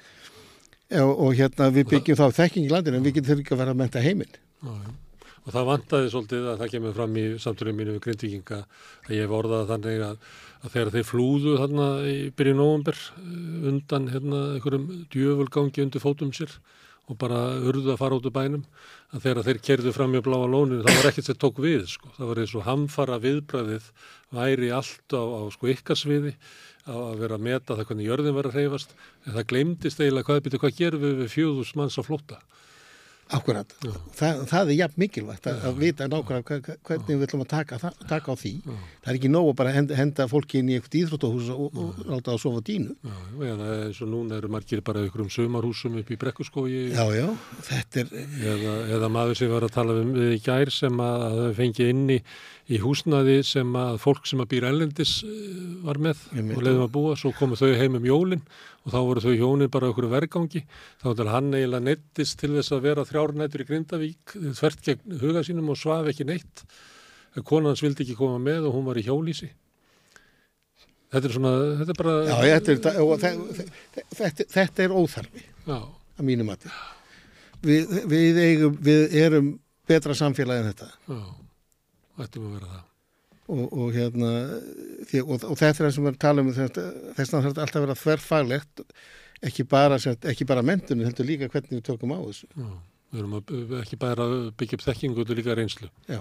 hvernig við og, eigum við og, þetta. og við verðum bara sko, Ísland er Ísland. Þetta er, Mm. þetta er raun og verið eitt stórt eldfjall sem er líka með jökla Mm, og bröttfjöll mm, og fjöll eru yfirleitt óstöðug meina, það segir sér sjálf þetta eitthvað sem stendur upp við vitum alveg hvernig með, sandhaugin sem að til sem hann er herri því meira hrinur úr honum og, og eh, að búa hér við verðum bara að- að takast á við það staðrind að við þurfum að þekkja okkar eigið umhverfi. En við þurfum líka að kunna að ræða það. Ég manna einhvern tíma að saður eitthvað um vellina í Hafnafyrði og þú varst bara skammaði fyrir það. Já, það er eins og, já, já, Eins og, eins og þú væri eitthvað að, ég veit ekki hvað, þú væri að móðga hvern með því að segja þetta. Ég get ég hvort að menn voru að hafa áhyggjur af fastegna verið eða eitthvað þess Já, að tala. við verðum náttúrulega að geta rætt þetta. Auðvitað verður ekki að rætta og, og, og það er ekki nóg heldur að ræða kannski eftir á. Ef menn að fara að byggja á einhvern stað, þá myndi ég segja að, að það þurfi að þá eru búið að taka svæðið út við til náttúruvár Já. og fólki sem kemur þangað, það veit hver hættan er, hvaða mögulegatin eru og það getur þá tekið upplýst ákvörðum það að það vil vera það þrátt fyrir það. Þá, það veit af þessu. Við megum ekki stinga hlutunum undir, undir mottuna eða, eða hausnum hann í sandin. Það hjálpar okkur Og ekki. svo, neitt. já, eins og þú ert að benda á það tökur líka fólk ákvörðun sjálft, þannig að við þurfum ekki að taka ákvörðun fyrir alla. Er ekki grindvíking að fara heim eða grindvíking að fara ekki heim, að það verður alltaf eitthvað spektrum í þessu. Já, já, Fólk og- metur þetta öðru í sí. Mér finnst að þeir þurfa að fá að taka þá ákvörðum sjálfur. En það er til dæmis að þú ert að nefna svona viðbröð að það verður með svarsengi þarna sem að það er dælt upp hérna, heitu vatni og það er hitavitan sem að grindvíkingar eru búin að missa. En allir á Reykjanesi getur líka mist og við höfum engan viðbúnað til þess að svara þessu þá þurftum við líklega að hafa ykkur svona dísel risakalla til þess að hita upp vatn. Það er bara ekki til. Nei, nei, en þeir eru farin að bóra reyndar. Já, þeir eru byrjað að leita vatni þarna við garda og Já, það. Og, og þetta er það sem við þurfum að gera. Og, en, en akkur þarf, sko, akkur byrgjum við brunnin eftir að batnið er fallið ofan í hann. það er svolítið þannig. Það er nú það sem er svona, Já. sko, eigum ekki að byrgja brunnin áður, þannig að það, þetta er engin hún. Og, og Reykjanes eldar sem eru byrjaði núna, að þeir segja að tíminn eh, hérna, er liðinn, en nú verðum við að vera með plan. Hvernig heldur við að tryggja orku og heitt vatn á? Reykjavík Hvernig- og Reykjavík. Og Reykjavík. Ef, ef, hvað, hvað gerist eða, eða verða umbrót í henglinum? Ég veit ekki, þú veit ég það einhver, hvað gerir þá? Hvað erum við með í henglinum? Hmm. Við erum með- nesevelli? Við erum með nesavellina og við erum með hérna, hveravellina líka, nei, hérna, hellisæðvirkja líka. Já, og nú er ég ekki, nú er ég ekki þetta er ekki spátóman, þetta er bara að segja það, það, getur komið góð sanna sem setur bæ, þessi þessar báðar þessar virkjanir í hættu Mm.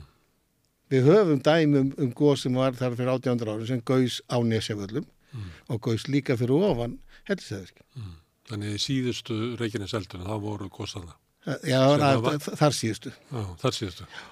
og, og, og einsleika við erum með hveragerði og við vitum að hraun hafa flætt þar niður líðina engin að segja að, að, að, að, að, að hérna, það sé að fara að gerast en það hugsanlega getur gerst aftur í framtíðinni. Við verðum að vera viðbúin hvernig ætlum við að takast á við það? Og ef, að- ef að vera, hvernig að það menna að leysa það vandamál ef, ef þessar báðar virkjanir dett út? Og við erum með, með líka með hérna rammarslífundar beint yfir, yfir helluseðina Já. og, og, og hérna þannig að við getum, það er alveg mögulega, við getum mistið allt saman. Já, já.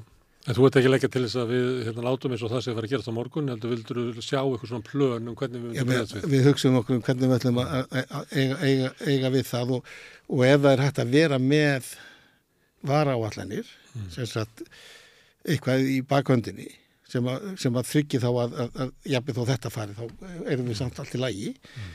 og þe- þetta eins og bara með keflaugulflugutin, en ef að hérna hraun fyrir yfir bæði Reykjanesbrutina og Suðustandavegin Mm. þá er náttúrulega er, er, er, vestur hlutin Reykjanes einangraður. Og þar á meðal keflaugflugullur sem að öll okkar alþjóðlega traffík fyrir hvernig ætlum við að leysa það það er, jú, jú, það er alveg örgulega hægt að fljúa frá keflaugflugullu til Reykjavíkflugullar og annað en það kostar meiri penning hver á borga fyrir það og uh, þar fram til gotunum er, er, er ekki jáfnveg betra fyrir okkur að hugsa allt í lagi við erum með keflaugflugullu alþjóðlega flugull hérna setjum annan alþjóðlega flugull einhvers þar á landin þar sem að, að hann er aldrei 100% Utan góðspelta. Já, já, bara það sem hættunar er, áhættunar eru, eru aðrar. Mm. Að, þannig að þeir fara ekki báðir í, í, í, í, svipuðum aðra. þú þarf að fara svolítið langt til þess að komast út úr svæði sem er eiginlega laust við þess ættu. Það var til eigilstað eða eitthvað?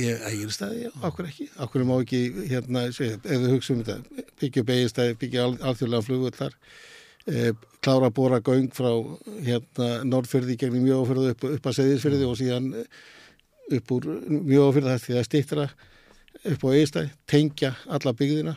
Er það ekki komið grunn fyrir svona 40.000 manna byggð? Líklega. Herru, það er eitt að því að nefndu krabluelda og að því að við vorum búin að tala um Reykjanesvirkjun, Svartsengi, Hellisíðavirkjun og Nesjavelli, að þetta er allt að pumpa upp hitanum í jörðinni.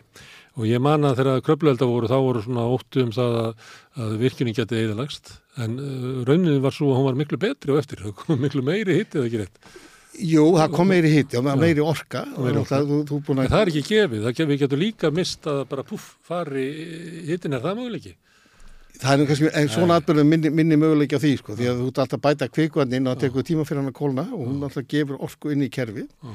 Vandamálið í kröflu var að þetta varð ofheit. Þú það var ómikið útfelling og menn eru að bóra oftar og það kostar alltaf peninga líka að bóra hólur og það var að bóra þær út eftir og annað, en þetta greinilega borgar sig. Þetta, er ekki sko fjárhagslega óhagvænt en við erum með svona háhita virkjanir erum við að taka áhættu og það er bara metið þannig að það sé ásættanlega áhætta. En það, það sem við fáum út úr því er þess virð að taka þennan, þennan séns. Og ef við getum kyrkt þessa virkjanir í 40-50 ár þá er það marg búin að borga sig. Þannig að, að, og þetta er svona munun á því að, svo veist, að, að fara út í þetta eh, á þess að hugsa og segja hennar, taka, til að að taka hennar séns og ef þetta gengur upp í þennan langa tíma þá erum við góðum málum. margborgar það sig. Þannig það er áhættuna virði. Þa, það er það svo. Það er, Verður Þorvaldur, takk fyrir að koma og, og svona eh, vera með þessa vangaveltur um ef að skí og ef að mundi. En samt kannski fyrst og fremst að, að við þurfum að fara að venja okkur við törjum svona svona er Ísland. já, já, við bara verðum að setja okkur við að Íslandi er eldfjallega og, og hérna það er svona stundum erfitt að takast á þetta allt saman en, en, en við höfum gert það í, í meirinn þúsund ár og við getum alveg haldið því áfram. Mm, það er kæra þakkir. Og nú ætlum við að fara á alltara brautir, við ætlum að fara í leikús. Húsnæðiskostnaður tekur meira en helming á ráðstöðuna tekjum verkafólks í eblingu. Hvernig er þetta réttlæta það? Ebling stjættafélag. Sláist í hópinn og gerist áskrifendur.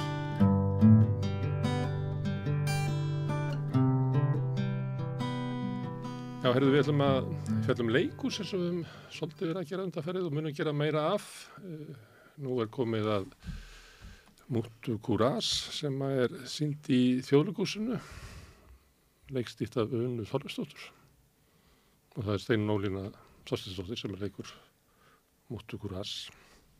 Herðu, þetta er merkileg síning, merkilegum tíma og Ég fór á sýninguna í síðustu viku og mér fannst svona mér fannst svona áhörvendunir einhvern veginn, mér fannst það svona ábyrgandi í þessu sýningu að, að henni svona kastað út í Ísland á okkar tímum svona, ég veit ekki hvort einhver hafi rannsaka þetta svona viðtökur verksins hvaða, hvernig Íslendingar í dag eru til í að taka á móti þessu verki. Hver, hérna má ég byrjaði að spyrja hverju datt í huga að setja þetta upp núna? Um, þetta var samtal mellir mín og þjóðlugúsins þar sem vorum að leita að, að verki uh, sem væri með hvern aðalutverk og, og þá kom þetta upp og okkur fannst svo bæði leikusun og svo mér að þetta vera kannski frekar viðandi tímar til að taka þetta verk á svið. Já, og það var náttúrulega þessi ákveðum tekin í mars eða apríl, eitthvað mars fyrir árið síðan. Þannig að það er það sem það kemur sko. Það sem að maður velti fyrir sig þegar maður var að horfa er að þetta er svolítið um grimd og tilgangsleysi stríðsins og óhugnað mannfórnana og en það er stríð í Evrópu í dag sem að hérna, ég held að sé bara engin stemming á Íslandi eða bara í Evrópu yfirleitt að horfa á sem slik stríð. Ég held að sé leitið á þetta sem heilagt stríð á Íslandi. Þannig að mér fannst það sko sínina upp á sviði á stríð í Evrópu og svona stemmingun í íslengu samfélagi að hvert úgrænistriðinu bara ótrúlu munur. Já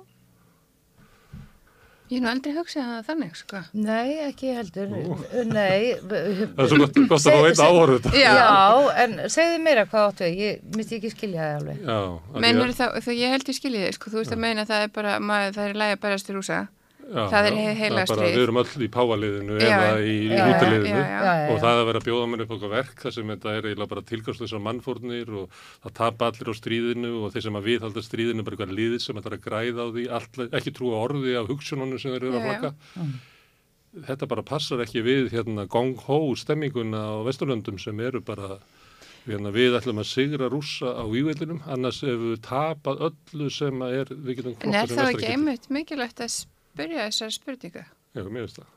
Þú veist, ég myndi allavega halda það. Mér finnst það bara frábært að þetta upp. Sko, mér finnst hlutverk leikusins um, yðurlega vera að spyrja spurninga. Um, ekki að svara þeim eða koma einhverjum mínum skoðunum á framfæri. Allavega, þú veist, ég, það er það sem ég finnst ekki vera hérna, það sem leikusins snúist um er eitthvað hvað mér finnst eða, eða okkur finnst. Vera meira um að reyna að, að finna þú veist, hvað er það sem við þurfum að tala um eða hvað er mikilvægt fyrir okkur að velta fyrir okkur og svona. Uh, Svolítið um hvað brekt finnst. Að Já, auðvitað er þetta alltaf mjög mikið um hvað brekt finnst og það er alltaf skrifað mjög skýrt inn í, inn í handritið hans pólitísku skoðanir og það er skýna náttúrulega svolítið í gegn. Veist, í orðfæri, mútu og hvernig hún talar um auð, auðvaldið og, og peninga og svona, þú veist, minnst það svona, það skýn svolítið í það er svona keira áfram stríð sem er ekkert sko djörf hugmynd í dag. Ég meina það vita allir að stríð eru kerða áfram Já. af þeim sem er að því sko. Já, en mér veist áherslu að þú tala með sko svona viðbröð áhörunda og ég sé held að þau skiptist kannski að mestu í tvo flokka. Það er fólk sem getur og vill ekki fara inn í þetta. Þú veist, og bara svona, að nefnir nú ekki og lokast bara svona. Og svo er fólk sem bara situr og grætur sko í lokin. Mm. Þannig ég held að sé svona svolítið svona tv- tvíþætt, svona tv- tvennskunar í megindráttum svona upplifun sko. Þið voruð með að tala um að það hefði eitthvað verið sem hefði verið á umræðunum. Já, það er alltaf vanin á sjöttu síningu, þá eru umræðir eftir síningu og þá komið mitt fyrirspilnum sal, sko, frá áhörunda hvort að við upplifum það að fólk væri feimið við að, um, hvað, að vera með viðbröð á síningunni. Af því honum fannst salurinn raunverulega vera svo hljóður eins og hann vissi ekki hvernig hann ætti, Hvort hann mætti hlæja. Uh, svona eins og salurinn væri að rít skoða sig meðan hann væri, meðan á Þannig er umræðan um úgrænistríðið bara í, í, Vestur-Európu. Já, Það þóri ekki að segja neitt. Nei, heil í Fólk þóri ekki að halda fram í sko að við ættum að stefna fríði þá ættum að kalla það pútinistu. Já. En- en Nákvæmlega, sko. En, uh, Og líka svolítið í tengslu með stríðið í Palestínu, það, þú veist, það sem er að gerast í Palestínu, það er náttúrulega líka ákveðin, ákveðin náttúrulega fyrir eftir hvaða fjölmjöla og lest eða hvaða aðganga, hvaða efni þú hefur. Það er náttúrulega miklu ríkari hérna, andstaða og miklu meiri degla í samfélaginu. Á. Íslandi, já, en ekki annar staðar í Európu. Já, Breitlandi og eitthvað starf. þjóðverðin er að reyna að setja lokvata. Já. En samt sko, þannig það, þá finnst mér sko verkið að miklu meira við Úkrænu heldur en Gaza, því að Gaza er svo ólíkir sko hérna aflsmunir að verkið gengur eða ekki upp ef maður er að hugsa um Gaza en að horfa á það sko. Nei, alls ekki. Alls enda, ekki. enda hugsuðu við tóltið um Úkrænu og, og, og Rússland. Það stendur um Vagnir á koknum, Já, já, já. það getur ekki verið tilvílun. Nei. Nei, nei, nei, nei, alls ekki, sko. En, en verkið er náttúrulega eiginlega bara um þennan fáránleika og, og það sem að, maður svona tekur frá því að æfa þetta og vinna þessa sýningu er bara, er þetta bara e, óhjákamælegur veruleiki að það þurfa að geisa stríð í veröldinni. Bara eins og, eins og fæðing og dauði er þetta bara hluti af tilveru mannkynsins að, að þetta þurfa að vera og það er einhvern veginn mjög ógulegt, sko.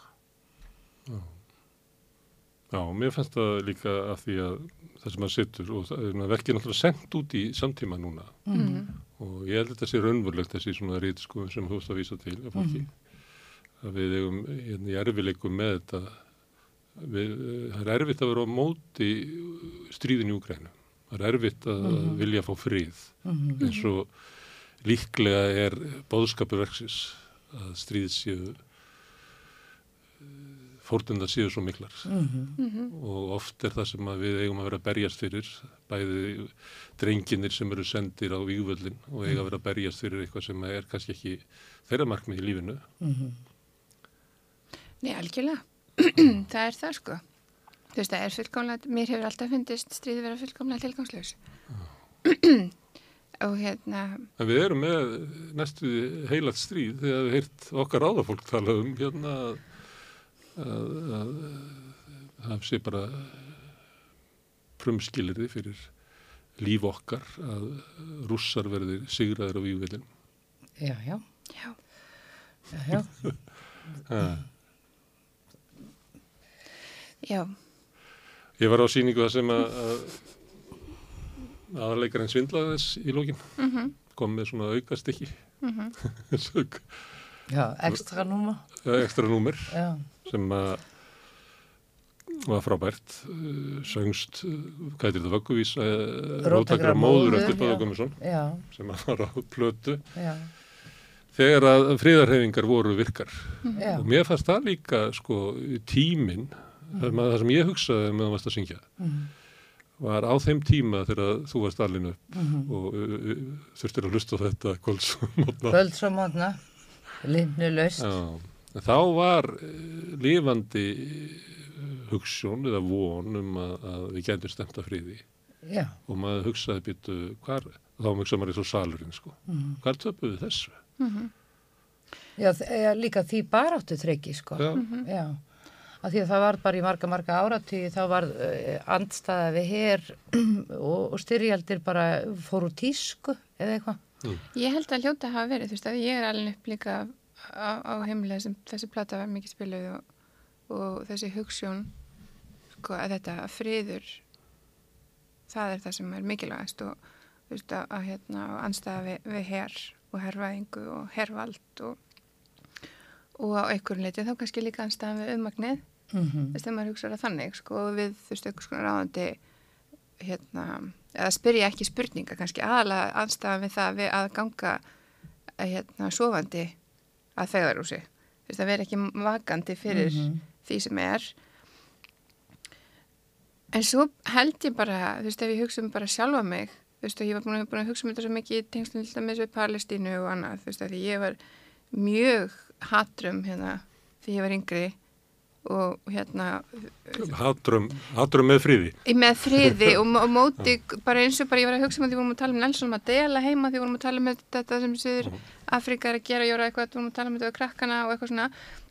Og þú veist ég man eftir að hafa verið að syngja þetta hérna, hérna lag Nelson Mandela, um, um frelsi Nelson Mandela endalaust og, og hérna og, og eitthvað svona stemming þú veist, en svo horfi ég á, á börni mín og ég veist að það er eitthvað annað veist, þau, þau eru eitthvað meina ekkert að spá í þessu Að Kanski það mistust ykkur að flytja þetta til næstu kynslar. er- Já, öruglega. Já, klárlega, sko. Og hefur okkur mist ekki stað eða, eða, eða við höfum kannski bara mist trúna á það á, á sko, getu okkar til þessa breytingur. Kannski er þetta, þið kannast ekki þarna með ríka fólkið, það kemur frumkvöldin og verður rosa ríkur og svo kemur annu kynslu og rétt heldur í horfinu og svo kemur þriða kynslu og kann ekki með pening að fara. Kannski á það sama um hugsunna fólkið. Já, já, nákvæmlega, sko. Kannski voru við svo bólusettar. Já, tóku þetta sem sjálfsögur hlut. já, Tó, tókum með Já. sjálfsögum hlut, sko. En ég til dæmis, að því ég á nú tvo unglingar sem er, já, einna ljúka á grunnskóla og eina byrja í mentaskóla, að það er áskaplega lítil umræðu um þetta í skólanum, mjög sko. lítil.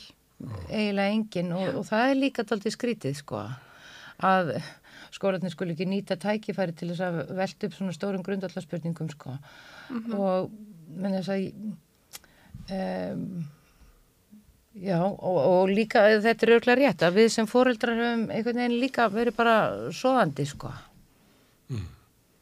Ég játa, ég hef bara verið alveg glötuð í þessari innréttingu á mínu heimili sko. Ég, mér tel mér hafa reynd, sko, Já. en kannski bara mistekist svona. Er þessi plata til heima þér? Já, já, ég á, ég á þess að blöta og sjálfsögðu til, reyndar engan blötuspilara. Nei. Nei, En hún er þarna sem er- helgitákn. já, já, og þú veist, margar kymveskar byltingasöngaplötur og, og, Þjóðlega frá Eritri voru spiluð í partíum þegar ég var úlingur. Já, gott ef svo platir ekki til heimi á mér líka og, og sem, sem og ýmsar aðra skandinaviskar baráttu plötur margar. Ég, ég, ég segi, Unna, varst þú alveg upp á svona sóselsku heimili? Já, Þetta ég ætti að fá nokkur svona eintök eins og ykkur hérna við rauðaborðið og ræða þetta. Það er margir, hjá mörgum er þetta svona svolítið hluti af, þetta er Ég- mjög sterkt til dæmis ef Jóni Gnarr heyrir maður. Já. Bryndit Erlingsson er alltaf í stríði við sósíska fóreldra sína. Já. Ég er mjög erfil með að tala um pólitík dagsins út af einhverju óuppgerðu uppgjöri við fóreldra sína. já. Ég held að að þessi sé áhugaverð mannstúdja. Já, en ég held þessi líka, þú veist, að, að hérna, allavega eins og mín kynnslóð kannski, um, það er náttúrulega mjög margir sem, sko, og, og ég upplýttu svolítið þeir sem hefur fóreldrar sem lærði í Skandinavi, sem voru í háskóla í Skandinavi, af, þú veist, í kringum mig og svona, það er ofta fólk sem hefur, er af svona svipum, svipum svona heimilum, fólk sem var, hérna, kannski hippar eða í kringum það, voru í Skandinavíu eða á meilandi Evrópu á þessum árum Vietnam stríð og barða fyrir já, því, því og og veist, og verið í Skandinavíu þá komu mikið af flóttamennu frá Chile og Já, og bara í ykkur og- svona það sem að voru svona kannski ykkur hlutir að gerjast og hreyfast og svo Mm. kemur þetta fólk heim náttúrulega flest og fyrir að vinna hérna og þá er það svona, veist, það bara það er, það er svona heimurinn sem ég er alveg upp í. Mm. Svolítið, svona einhverju skandinaviskri hugsunarsemi. Og svo ef við förum lengra aftur að þá er, er hérna brekt Já, sem að þeir að flytja inn í nútíman mm þannig að þetta er já, ta tala um ykkar æsku er ekki alveg hérna, það tengir svolítið, þú veist hvernig flytum maður Mhm. já, eitthvað svona inn í sam, samtíma sko. það er stundum er það bara alveg sama hvað maður með gott erindi að sko samtímin er bara lokaður sko. Heldur að það haldið að þetta sé síning sem að, að áhorfendur og þá er ég að meina bara samfélagið bara eigi svolítið í erfilegu með sko að taka móti ég veit ekki, ég held kannski að það sem gerðist þarna í óttaber hafi sett allt í annað samingi sko því fram að því þá, þá þú veist, það, það, það breytir öllu. Gaza. Gaza. Og þá náttúrulega erum við allt einu komin í eitthvað annað samingi og ég veit alveg að það eru ykkur árundur sem finnst við bara ekkert vera að segja neitt um Gaza. En ég, ég veit ekki alveg hvað við um að segja heldur. Að því mér finnst liggja í verkinu þessi hugmynd um stríð sem er náttúrulega át, átel á það og það er einhvern veginn ekki þetta um, um, Þetta er ekki gott leikri til þess að fjalla um Gaza Nei, það, það, ekki. það liggur ekki í því að því það er eins og talað um svo mikill valdamunur, það er náttúrulega svo, þú veist, það er svo löng saga af, af ofbeldi og kúun og, Mhm. og, og valda óreittlæti og, og mismun og, og hérna sem að er ekkert, menn þetta er kannski ekki staðurinn til að tala um það, sko. En þetta breytti samt til miklu upp af þessa stríðis þetta í oktober og við Já.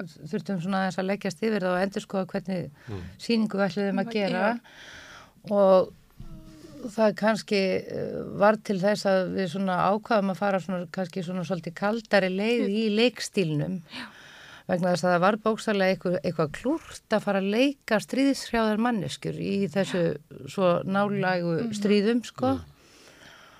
Og uh,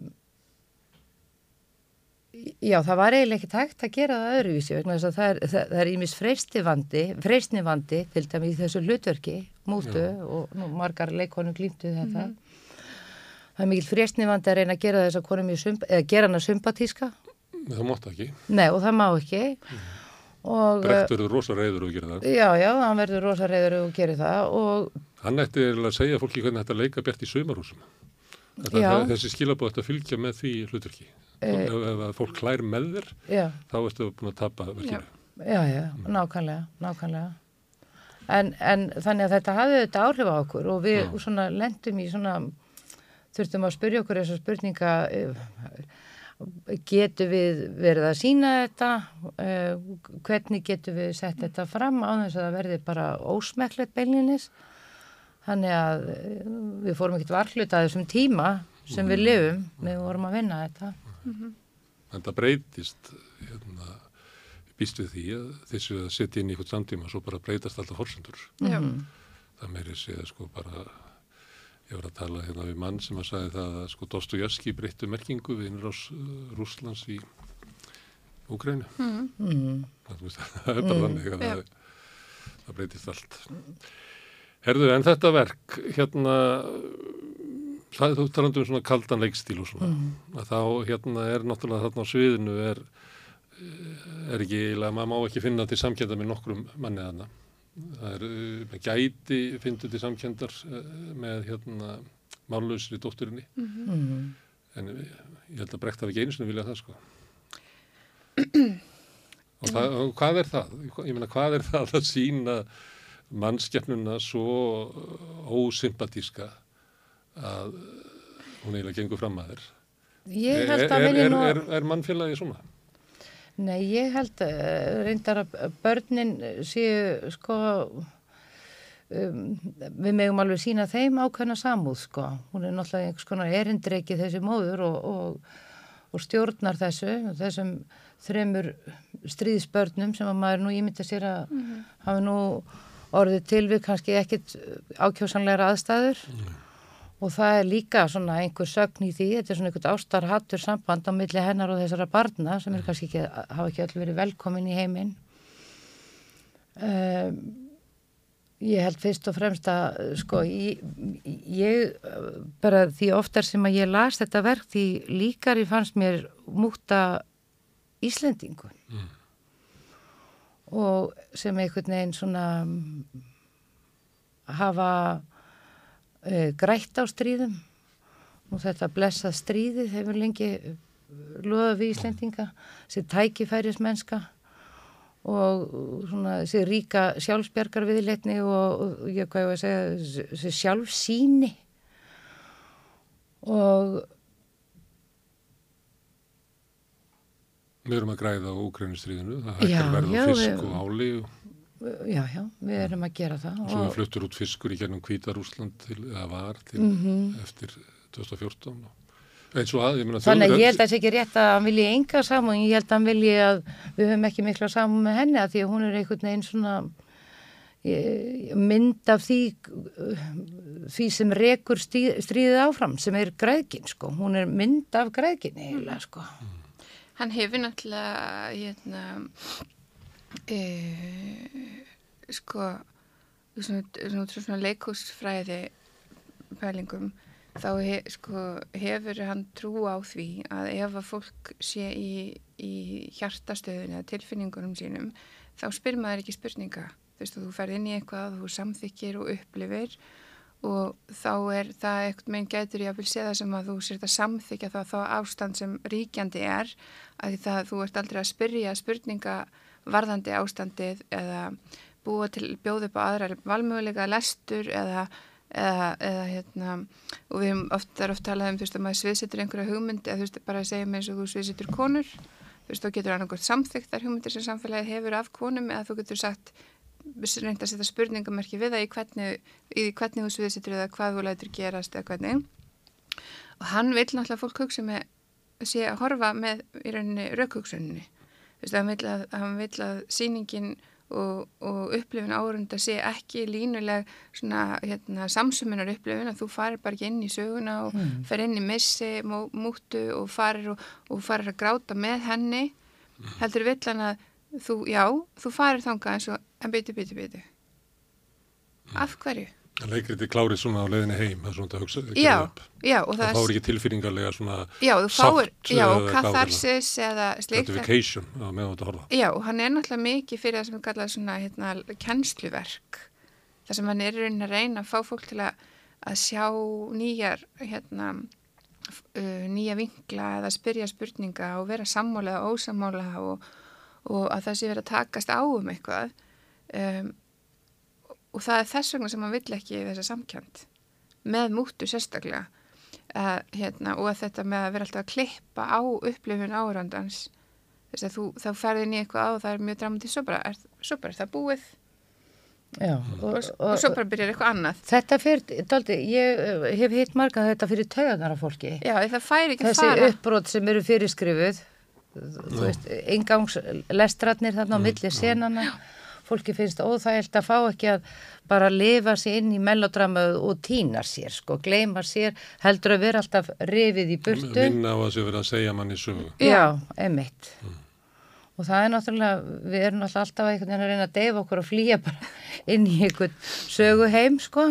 Og þarna er svona krafanum það byrju stöldrum við, hvað gerðist þarna, sko. En er ekki líka klift eiginlega svona aftanfrá að, að það er eitthvað barni hverfur og, og það að maður sér ekkert viðbröð frá mútu? Já, hún veit ekki að hann er dáin. Já, það er eitt sko en það eru fleiri sem að Já, já. það er, það er ekki Ég, ég meina þar er hún líka náttúrulega bara... Hún er fljóta að, að hérna jafna sig. Já, já. fljóta að jafna sig og hún er náttúrulega líki aðstöðu og hún getur ekki gefið neitt uppi ef hún, ef hún fyrir að gráta þannig er hún bara handtekinn fyrir að vera samverkamaður þannig hún er líka það er helviti skrimd og tökur í henni líka og sjálfsberga viðleikni Þetta er ekki góð aðstæða til þess að blómstra stýrið, sem, sem manneskja. síður en svo Erðu, þú segir að hún segir eins og í Íslendingar. Um, það, það, við getum verið sko gallaður hópur og alið með okkur svona afstöðu. Eða þetta getur líka verið bara svona er fólk, ég meina, ma- maður getur sagt að þetta var eins við um svíja, svíja Já, já. öllum stríðum og raunveldar tengjast. ég, ég þekki bara uh, fleiri Íslendinga en svíja þess að tekja svona til orða Já. sko. Þannig að þetta er mannlegt frekar heldur en að já ég meina Við erum náttúrulega löt hins vegar svona siðferðislega, eða ekki, Nei, sem hópur. Ég, ég veit það ekki en uh, við erum líka kannski svolítið barslega því að við höfum alltaf lifað styrjaldir. Þess vegna erum við svona kannski svolítið tækifæri mennska, og líka kannski afstáða okkur til stríða öruglega alltaf barsleg. Ég meina við vitum raunverulega ekkert hvað það er að lifa stríð. Nei. Nei, við eigum enga, enga hérna, við tölum um svona, hérna, upp, svona genatíska upplifun. Þú veist, þá höfum við ekki genum okkar þessa upplifun af svona sameilu tráma sem stríð er, hvernig, sem, hvernig það mótar, getur mótað þjóð, þú veist, og, og hérna, mótað upplifun fólks af heiminum, sko, og bara þjóðar af heiminum. Við höfum ekki, ekki sem einhvers konar tráma. Við höfum annars konar trámu um, sem tengist kannski meira náttúruhamförum eða slíku en ekki Já, ekki- skorti og örbyrð og og örb- fátækt og, og, og þess vegna. Inngróið í genin okkar hérna þrælslund vinnuhjóana.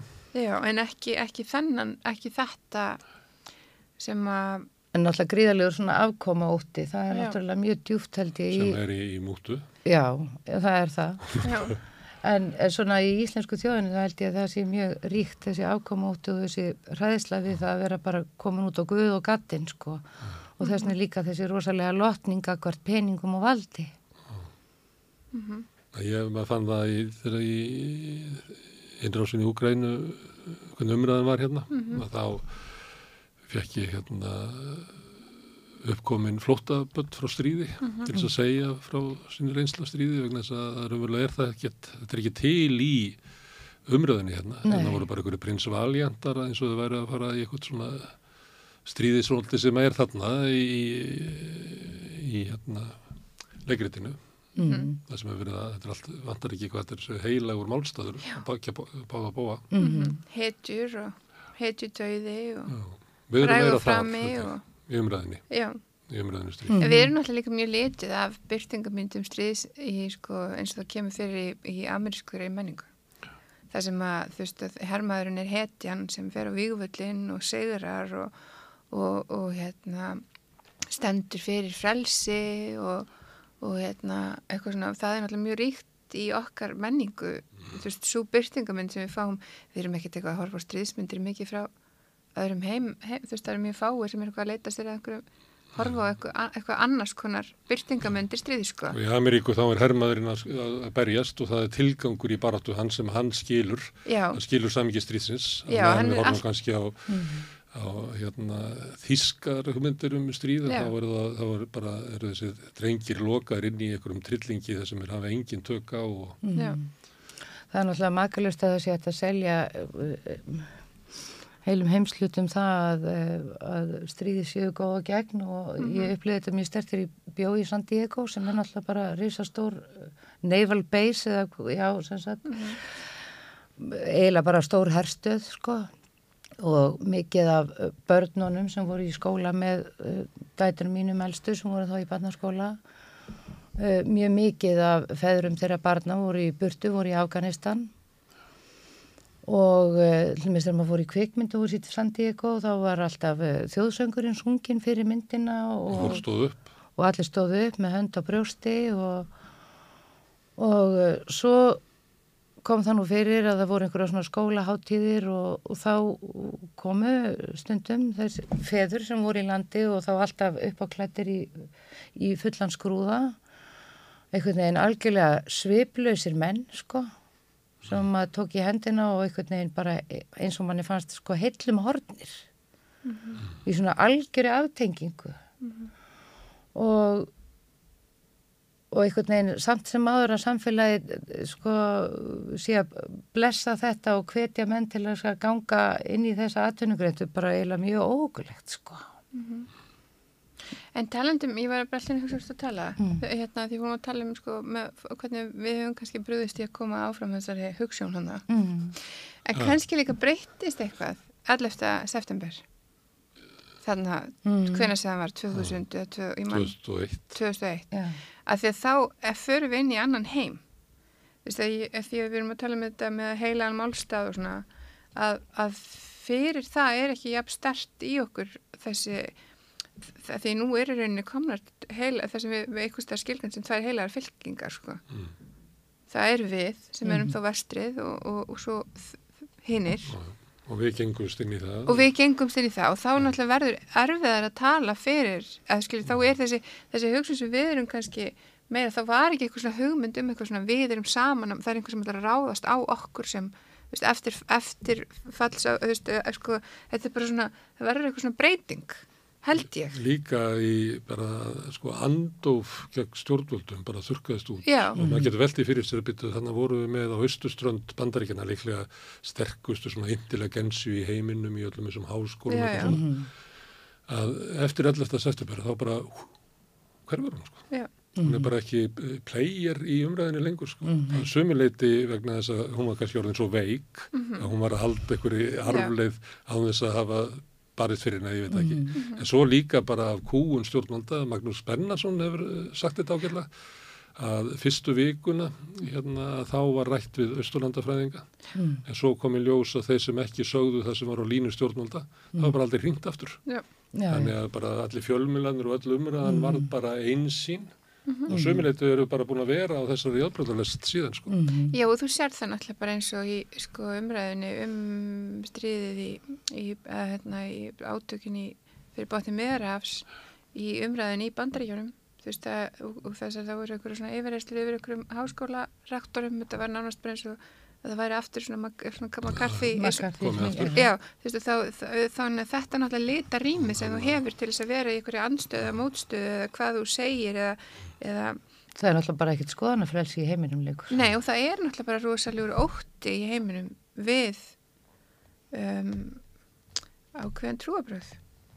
það er annars verið ótti en síðan er náttúrulega stjórnvöld keira Já. áfram Ég, Ég ég, meina, nú er ég ekki að segja veist, að við endilega óttumst það hér, skilur en það er alið á ótta. kannski þetta við sem að sættum okkur ekki við þetta að átt okkur á því hversu, hversu sterk öfl eru að, að keira áfram hinna hugmyndina sko. Já. kannski þurfum við aðeins að eh, ná í blötuðar okkar Já, Byrja að spila mér.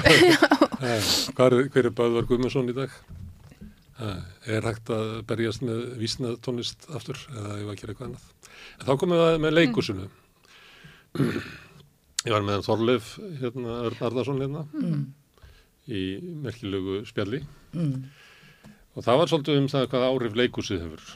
Og ég minn hann er eins og þið leikúsmaður og mikla trú á leikúsinu og ekki síst svona að það sé eiginlega það er vettvangurinn þar sem að við getum komið saman og komist að ykkur af því að það er sko í raumurlega við erum hann í holdinu. Mhm.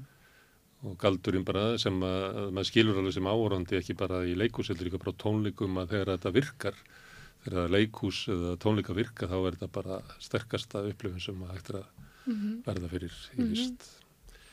Hafið þið eh, trú að því að, að leikúsið hafi hlutverk í því að ræða að, halda gangi samtali um stríð almennt en Úkrænu stríð sérstaklega eða hvert er leikúsins?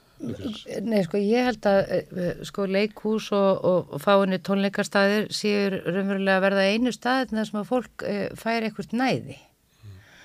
Og e, næði sem er mjög mikilvægt og er mjög af sko, skortnum skamti og svona, svona núvitund er mjög mikið í tísku en sko það er núvitundar ástand að sitja í leikhúsi. Þar sem þú ert ekki í síma, þú ert ekki trublaður þar sem þú og kannski einna fáanstöðum þar sem þú færð að vera svona einn með sjálfu þér.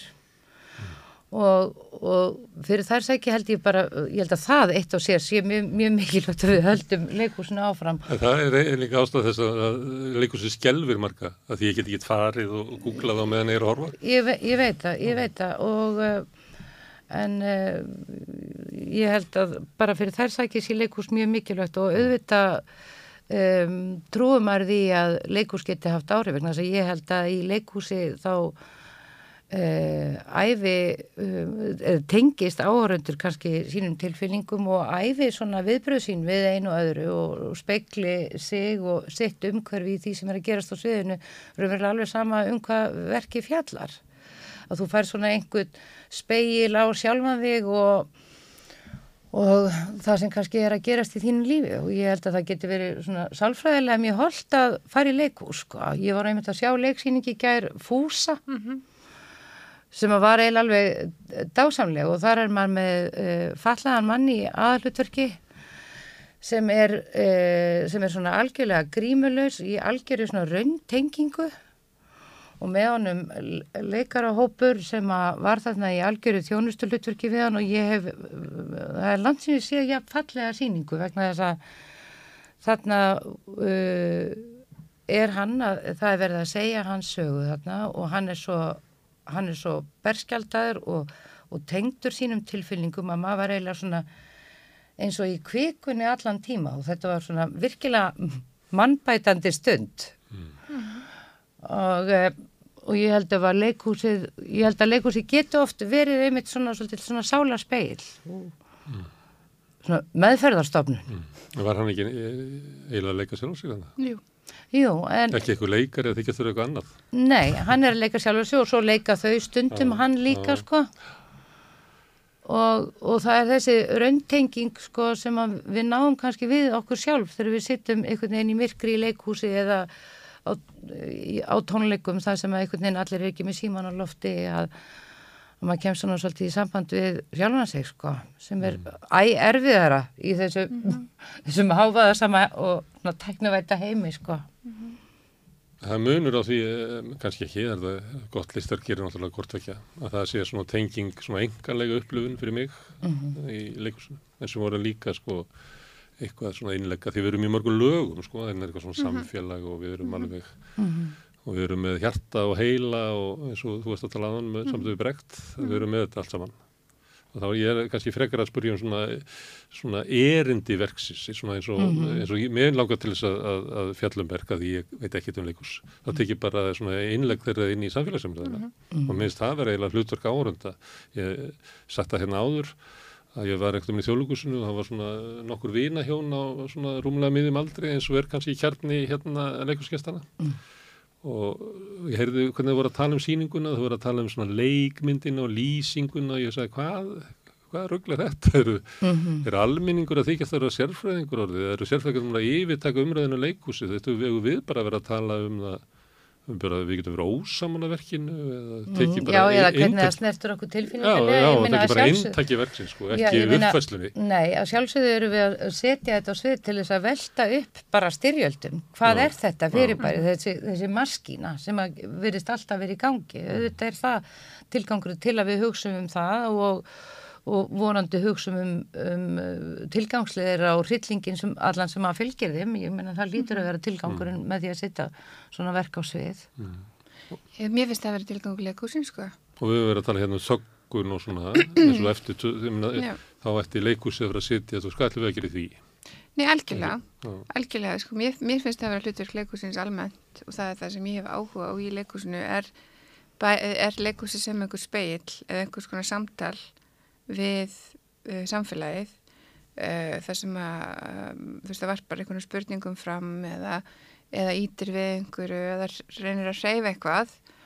Um, auðvitað getur maður ekkert alltaf hreyft alla og þú veist, það er náttúrulega líka kannski ekki hægt að ætla sér það að það komi 500 manns og þú ert bara allir allir eru það höfður bara singalong síningu það, það er besta leiðin til þess þá, það er náttúrulega besta leiðin. En auðvitað vona maður og, og, og óskar að, að, að, að leikhúsi sé fært um það. Annars Mm. væri við nú ekki að þessu.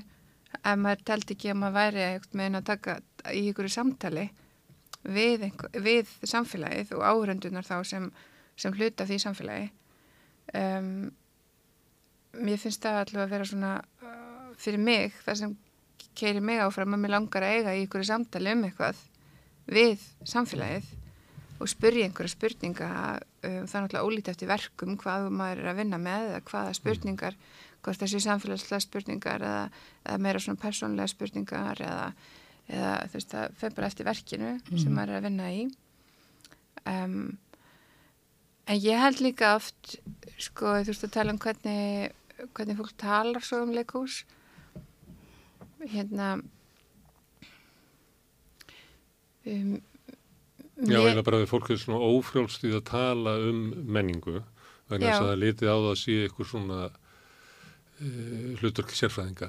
Og við horfum er að getum eins og horta á það sko það sviðsett fyrir okkur samtal um bókmyndir í Já, já.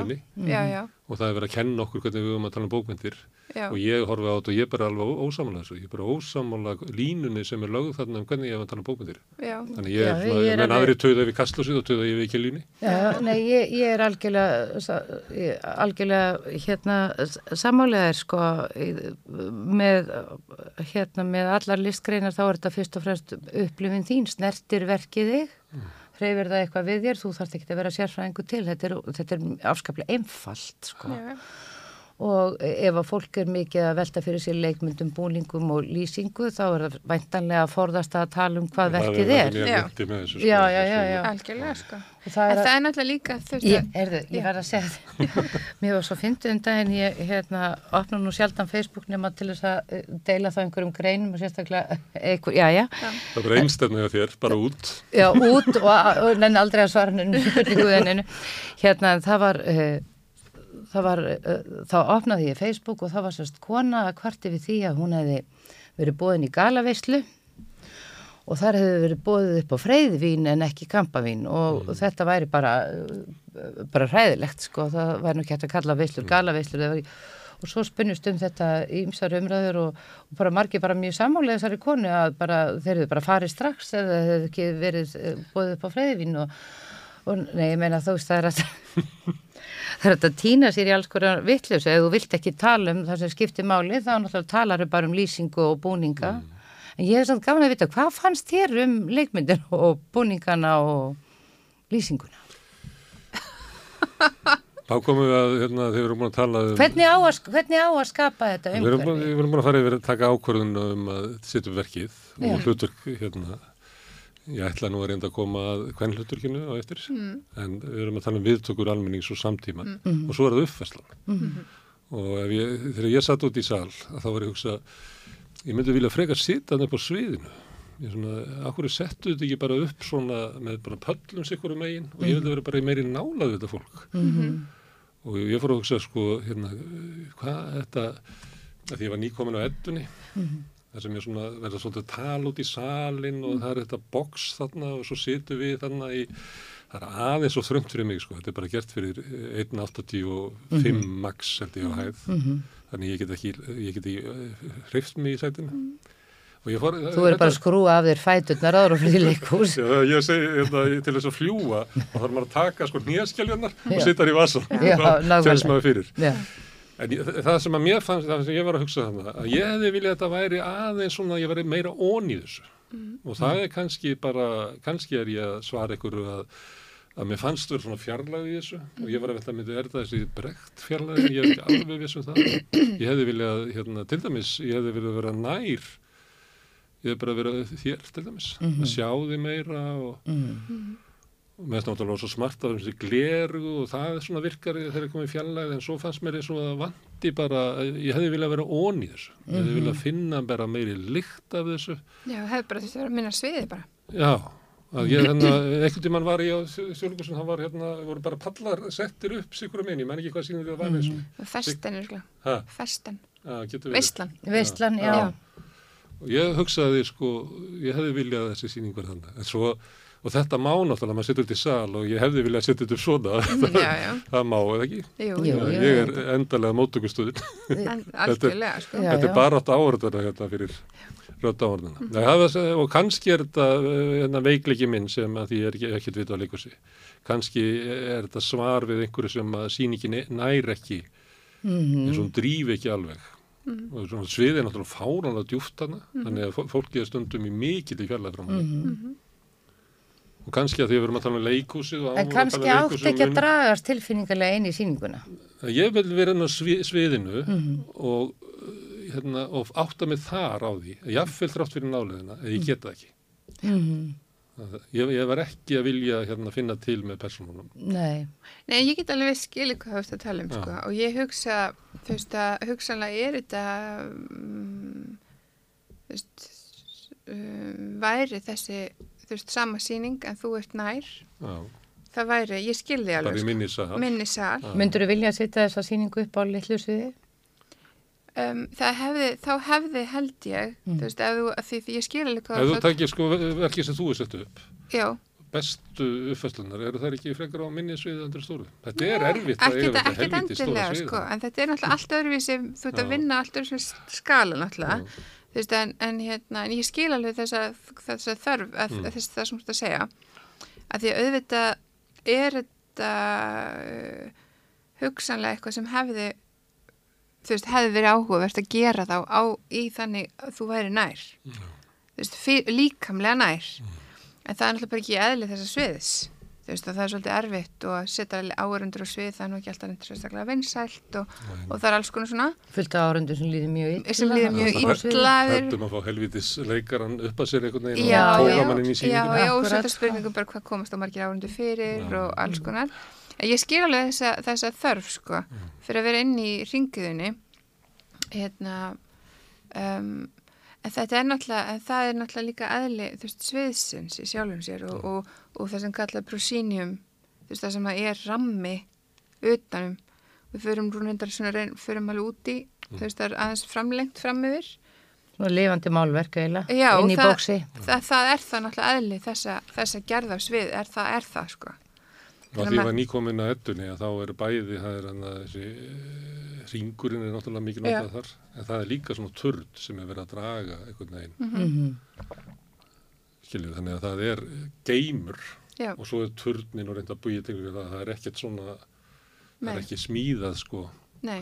Nei, það var alveg ákvörðun sem að við, við tókum, veist, að, að, hérna, að, að því að það er, það, við, að þú veist, að, og það er líka eitthvað sem ég hef bara áhuga á í leikhúsinu er hvernig að eitthvað verður til úr engu. þú veist að þú ert með tómt sveið en svo í gegnum það sem leikarnir gera og í fram, framrá sögunar þá verður til einhver heimur og sem ég finnst líka verið í eðli þess sem brekt er að hugsa þú veist að hér erum við bara að segja sögu Já, Og þetta er eins og-. Já, og þetta er bara dæmisaga. Já, hér er þetta er dæmisaga og hér fyrir við inn í hana. En Þá hefur áhörandin líka svona um, næði til þess að ímynda sér svolítið eins og maður gerir þegar maður les bækur, já, búa til svolítið heim hlustar á sjálfur. bækur. Ha, Það er svona hlustar á bækur, hann er eitthvað í hausnum á manni að klára. já, Já, já. þú býr til hugmyndina, myndina og hvar við erum og svona.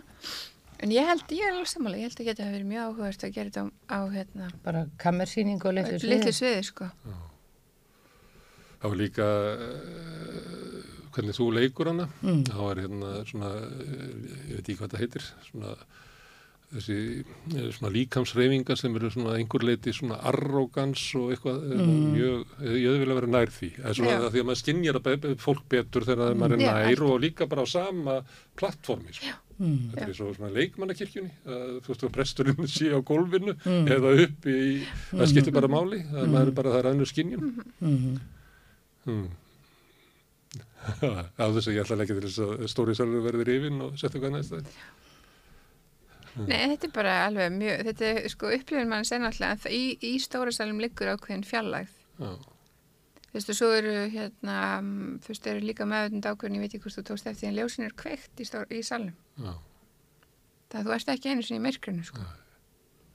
Og Mér það hefur náttúrulega áhrif á upplifunina líka. Mér finnst það gott sko, að þegar ég er að horfa þá er ég alltaf að kíkja svona hvernig aðrir eru að upplifa þetta sko. Mér finnst það, mér finnst áraðunni vera sko, hérna, Já, það er, það er hlutaði að fara í Já, leikhús að vera einn með mörgum Já.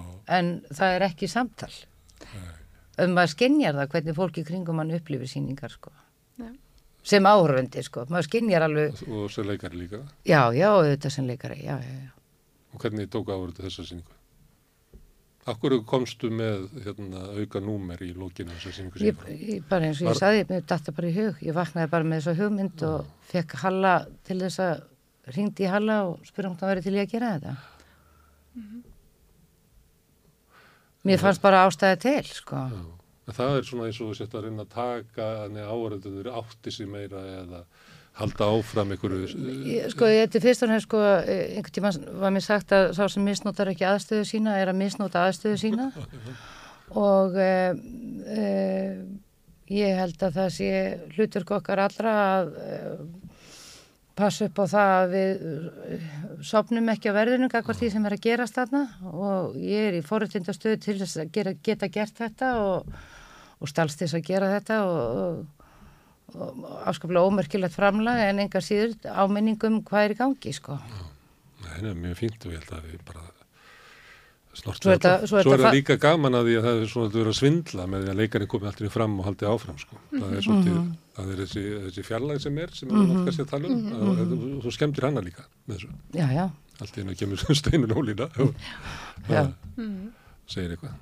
Herðu, en uh, þú sagðir í upphafi að verið að leita að hérna uh, verki þar sem er aðalpersonan er kona. Mhm. Það er nú kannski geta fundið betri konu. Já, já, kannski. Þetta er svaka stykki, eða ekki? Ég held að það sé nú fáar hérna, fá hlutverk Sem eru svona stór. sem eru svona stór eins og þetta í svona leikbúsbókmyndasögunni Og stór þann, hvernig þá? Með, Ég bara- Hún er alltaf á suðinu, alltaf miðbúndur. Já, já, og náttúrulega þessi óbáslega mikli texti, við erum náttúrulega búin að skera þetta leikrit verulega niður, ég veit nú ekki hvað þetta voru löng síning eða við höfum leikið allt leikrit, örgulega góðið fimm tímar. Já. Já, það eru sko mjög fá hvern hlutverk þar sem, að er, sem eru svona þunga miðja í verki sem snýst ekki um ást eða kallmenn eða það snýst um eh, skilur sem er, hún er bara, hún er manneskja.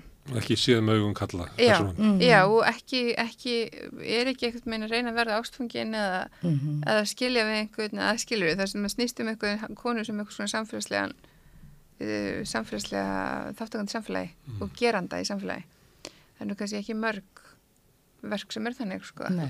Ert þú mest að leika konur síðar með augum kalla? Eða skrifa það hann það er nú verið allur gangur á því en ég hef náttúrulega aldrei leikið við líka hlutverk eins og þetta og mun sannlega aldrei leika aftur jafn stort hlutverk sko. Og þetta var nú ekki alveg átakalust hjá okkur.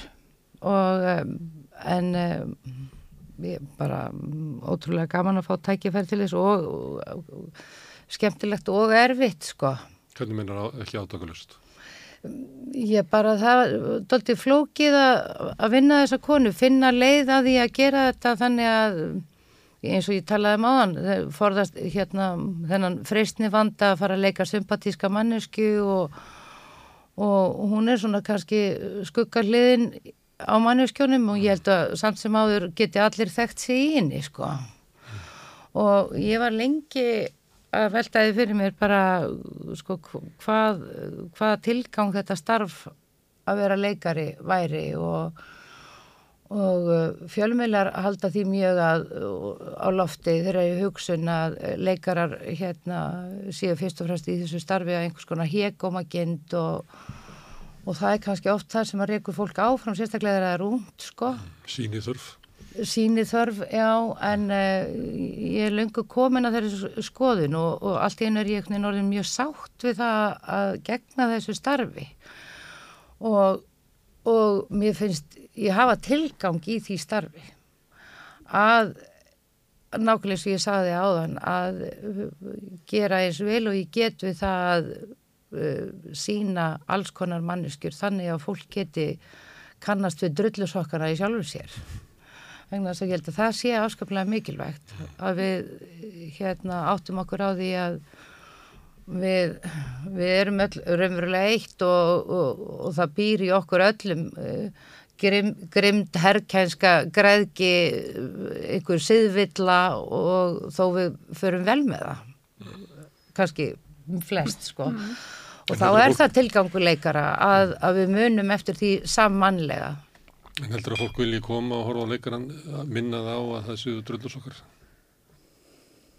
Það er, er ekki, engin okkar tíma við viljum alltaf fá svo til skjall. Já, ég, nei, ég er ekkit viss um það, en það er hlutverk okkar leikara að minna okkur á það að við erum öll breysk. Og við getum ekki alltaf verið að gera það sem fólk vil. Nei. Mm. Og hver veit líka hvað fólk vil?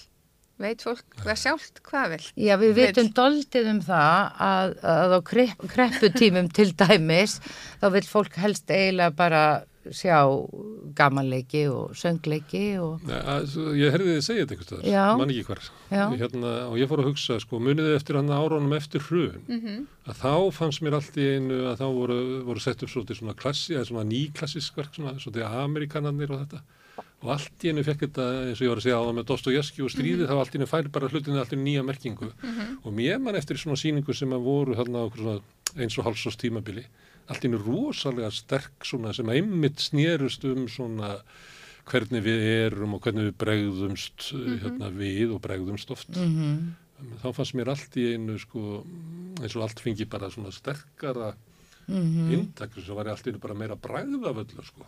Þannig, ertu vissum að krepputíman séu þannig að fólk vilji bara ég, ég, held, ég held að oft er að eru erfiðir tímar þá vilji fólk gerðnan fara í leikús og einhvern veginn gleima sér, hafa gaman. Ég held að það sé doldið þannig svona Já, delir í um bú bónis er í góðu gangi upp í borgarleikursi og fólki finnst ægilega gaman á því. Hefur þið séð það? Nei, ég er ekki búin að sjá það, lítil saga og fallið músík og allir óða gladir. Nei, mér langar ekki að sjá það, sko. Ég hef búin að sjá það. Já. Já, ég man að... Ég fer auðvitað að sjá það, en það er svona kannski, þú veist, ég held að það sé svolítið lýsandi að fólki finnst bara notaleg kvöldstund. Já. Það eru svona kreppu og kjara söngvar í því, eða ekki? Um stjættabarótu, þetta ekki Já, segðu þú mér, ég er ekki, ég er ekki búin að segja Gleðileikur um stjættabarótu Gleðileikur um stjættabarótu Herðu hérna í hlénu að því að við erum að tala mm. um áhörundur þá meðan hann að sagði einn hérna á hvernig getur hún munað þetta allt saman? Það er dafstöðu svo að geta munað allt þetta.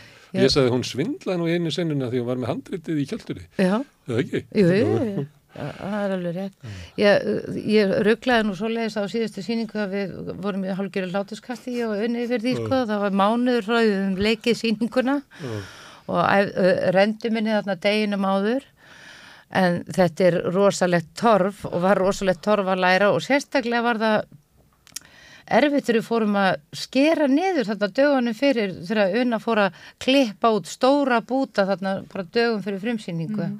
þegar maður fór að aflæra það sem maður hefði verið að bysa við að læra en Er það sárt að henda texta sem þú búin að hafa fyrir því að læra? Stund, stundum finnst manni það skáldu finnst það oft erfitt að skera niður. Já, og þá fer maður í smá svona debatt við leikstjóran og, og svona, má ég halda þessu inni og ég skal, og svona, og þetta fór nú friðsanlega fram hjá okkur unni og hún var yfirleitt sammála því ég sagði, ég verða að halda þessari setningu eftir, annars meikar þetta ekki sens að því þá maður í huganum búin að búa til einhverja línulega svona brú þar sem að, þar sem að setningin meikar sens og ef eitthvað farið úr henni þá vantar manni einhvern veginn uppbygginguna í hugsununa mm. þannig að þá fer maður viðræður við leikstjóranum að fá að kippa inn aftur einni setningu sem maður getur haldið þessari hugsunarlegu brú mm -hmm. í þessu. Þetta er náttúrulega þannig verk að þú verður að vinna með þeir sem að leikur mútið kúras. Ég leikur sér náttúrulega bara samvinna sko. Já. Það er ekkit annað. Þú veist, maður er með einhverjar hérna, hugmyndir eða einhverjar svona en hérna þetta er allt samena og allt gert í sammenningu. En í hlíðinu þá heitti ég einn mann líka sem að saðist hafa séð, heitum ekki, Helen Víkil, sem að leika þetta í, mann ekki, 20-30 ár, hafið séð þannig að leika þetta í Bellin fyrir mm -hmm. 17. Mm -hmm. og trompaði náttúrulega alla sem voru að spjalla um, um merkið já, og þóðu við hinn bara á meðan og hlustuðu bara á hann. Sérfræðingur í salnum. Sérfræðingur í salnum, því þetta er náttúrulega þetta er náttúrulega hlutur sem líka tengt bara henni og mm -hmm. það er einhver svona eins og ég nefndi Bjart á hann. Mm -hmm. og því að maður les bókina og þá er alveg augljóst að þetta maður er skefna mm -hmm. en það er bara einhver upp hérna, eh, hvað heitir þetta, svona uppsetningasaga á Íslandi um að, að, hérna, fá áraðu til að hlæja hvaðan nýttin og allt þetta mm. sem að leiku sig á í vandræðu með Mér finnst ekki bara leiku sig í vandræðu með mér finnst bara samfélagið í vandræðu með Ég held að það sé freka leiku sig sem hafi sko fluttan þanga því að í sjálfum sér er hann ekki endilega þannig í bókinni sko að ykkur leiti þá hafi sko eh, hvernig hann er settur upp í leiku sig mm -hmm. fest hugmyndir okkar um hvernig, hver hann er mm -hmm. en er, er það eitthvað svoleiðis að því að þetta er svona, svona, svona þykk saga á bakvið þetta hlutverk Þartu að, að velta því fyrir þér? Nei, ég gerði það ekki, Nei. sko. Ég passaði mig á því að lesa ekkert um það hvernig aðra leikonur auði farið að. Ég, mér langaði það ekki, sko. Ég, ég geng nú eiginlega þannig inn í vinnu í leikhúsi að, sko, ég, ég líti á mitt starf sem einhvers konar uh, þjón þá höfundar og leikstjóra og ef maður treystir leikstjóra eins og þessu tilfelli það er ekkert alltaf þá er maður e, tilbúin að lúta hugmyndum þeirra og líka bara ég vil heldur ekki hérna e, það, taka frá sjálfur mér þá upplifin að kynnast manneskinu sjálf. Því það er eiginlega það sem er skemmtilegast þegar maður byrjar að skoða leiktaksta og vinna hlutverk sko að að kynast personu sjálfur og sérstaklega á þess að vera mikið litaður af hérna umfjölluninni sko og pappi var náttúrulega breyttisti og, og þýtti mikið að verkum breytt, hann þýtti ekki þetta verk. Þannig að blessunlega var ég ekki uppfull af einhverjum uh, hugmyndum úr föðurhúsum um múter í mjög sönnur verk breytt voru mikið rætt á mínu heimilni þannig að ég kom svolítið svona tiltrúlega ómenguð að þessu. Þannig að það var bara svona eins og að kynnast personu að takast á við mm -hmm. þetta. Mm -hmm. Svakalega persona Já. Mm. Herðu, unna og stengum gamla þóku til þess að koma og ræða leikurs. Já, takk fyrir okkur. Jú. Takk fyrir bóðið. Það er einsýning eftir. Já. Já, ef ykkur eru áhuga á þá verður það bara að fara inn á netinu. Það er núna 20. stað, er ekki næstum að til löða, jú. Já. Herðu, takk fyrir. Takk sem leðis. Takk og við ætlum að hérna, halda áfram að reyna að skilja samfélagið sem við lögum í. Uh, nú ætlum við að fara aðeins aftur og baki söguna frá sjónarhóli nútímans. Við ætlum að uh, aðtóða hvort það verið rétt sem að var haldið fram hér við Rauðaborðum um daginn að kratabarinn Ísafjörður, það hafi byrjað vel hjá krötunum, hafi allt endað í tómri spillingu. Ég ætla að kanna það málið. Húsnæðiskostnaður tekur meira en helming á ráðstöðuna tekjum verkafólks í eblingu. Hvernig er þetta réttlæta það? Ebling stjættafélag. Sláist í hópin og gerist áskrifendur.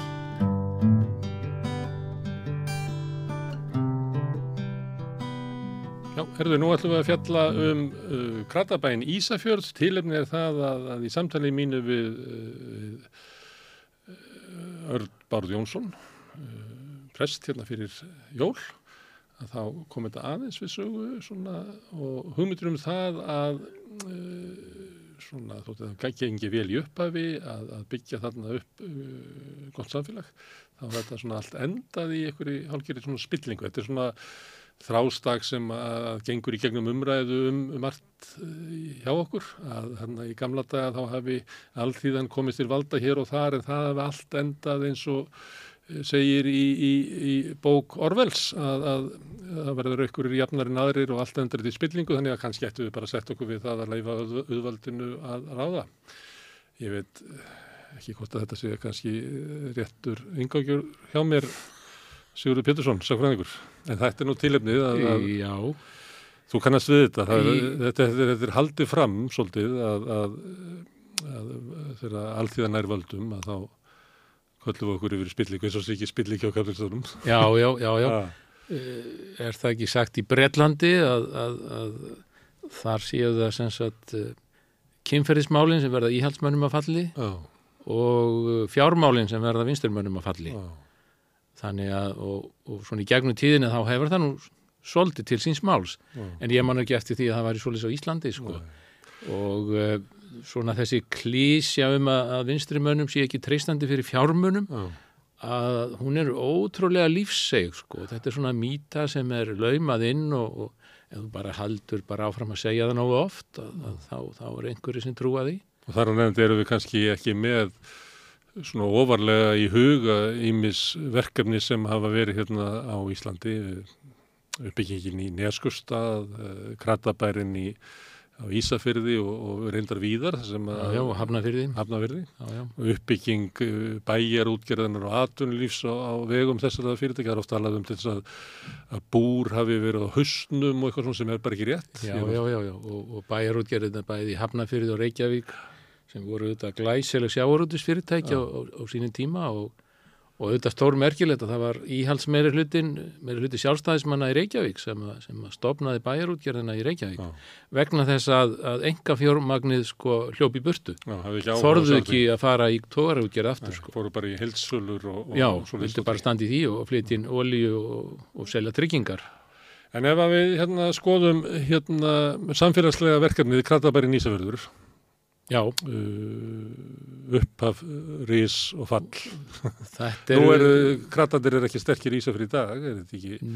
Nei, þeir hafa nú átt svona endurkomu alltaf öðru kóru uh, og síðast, uh, það er svona 20%, 20 fylgi nú svona oftast verið í kostningum. það var meira á. En uh, hér áður þetta var til þessi mikla breiðfylking þegar allþýðiflokkurinn var líka eini vinstriflokkurinn Mm.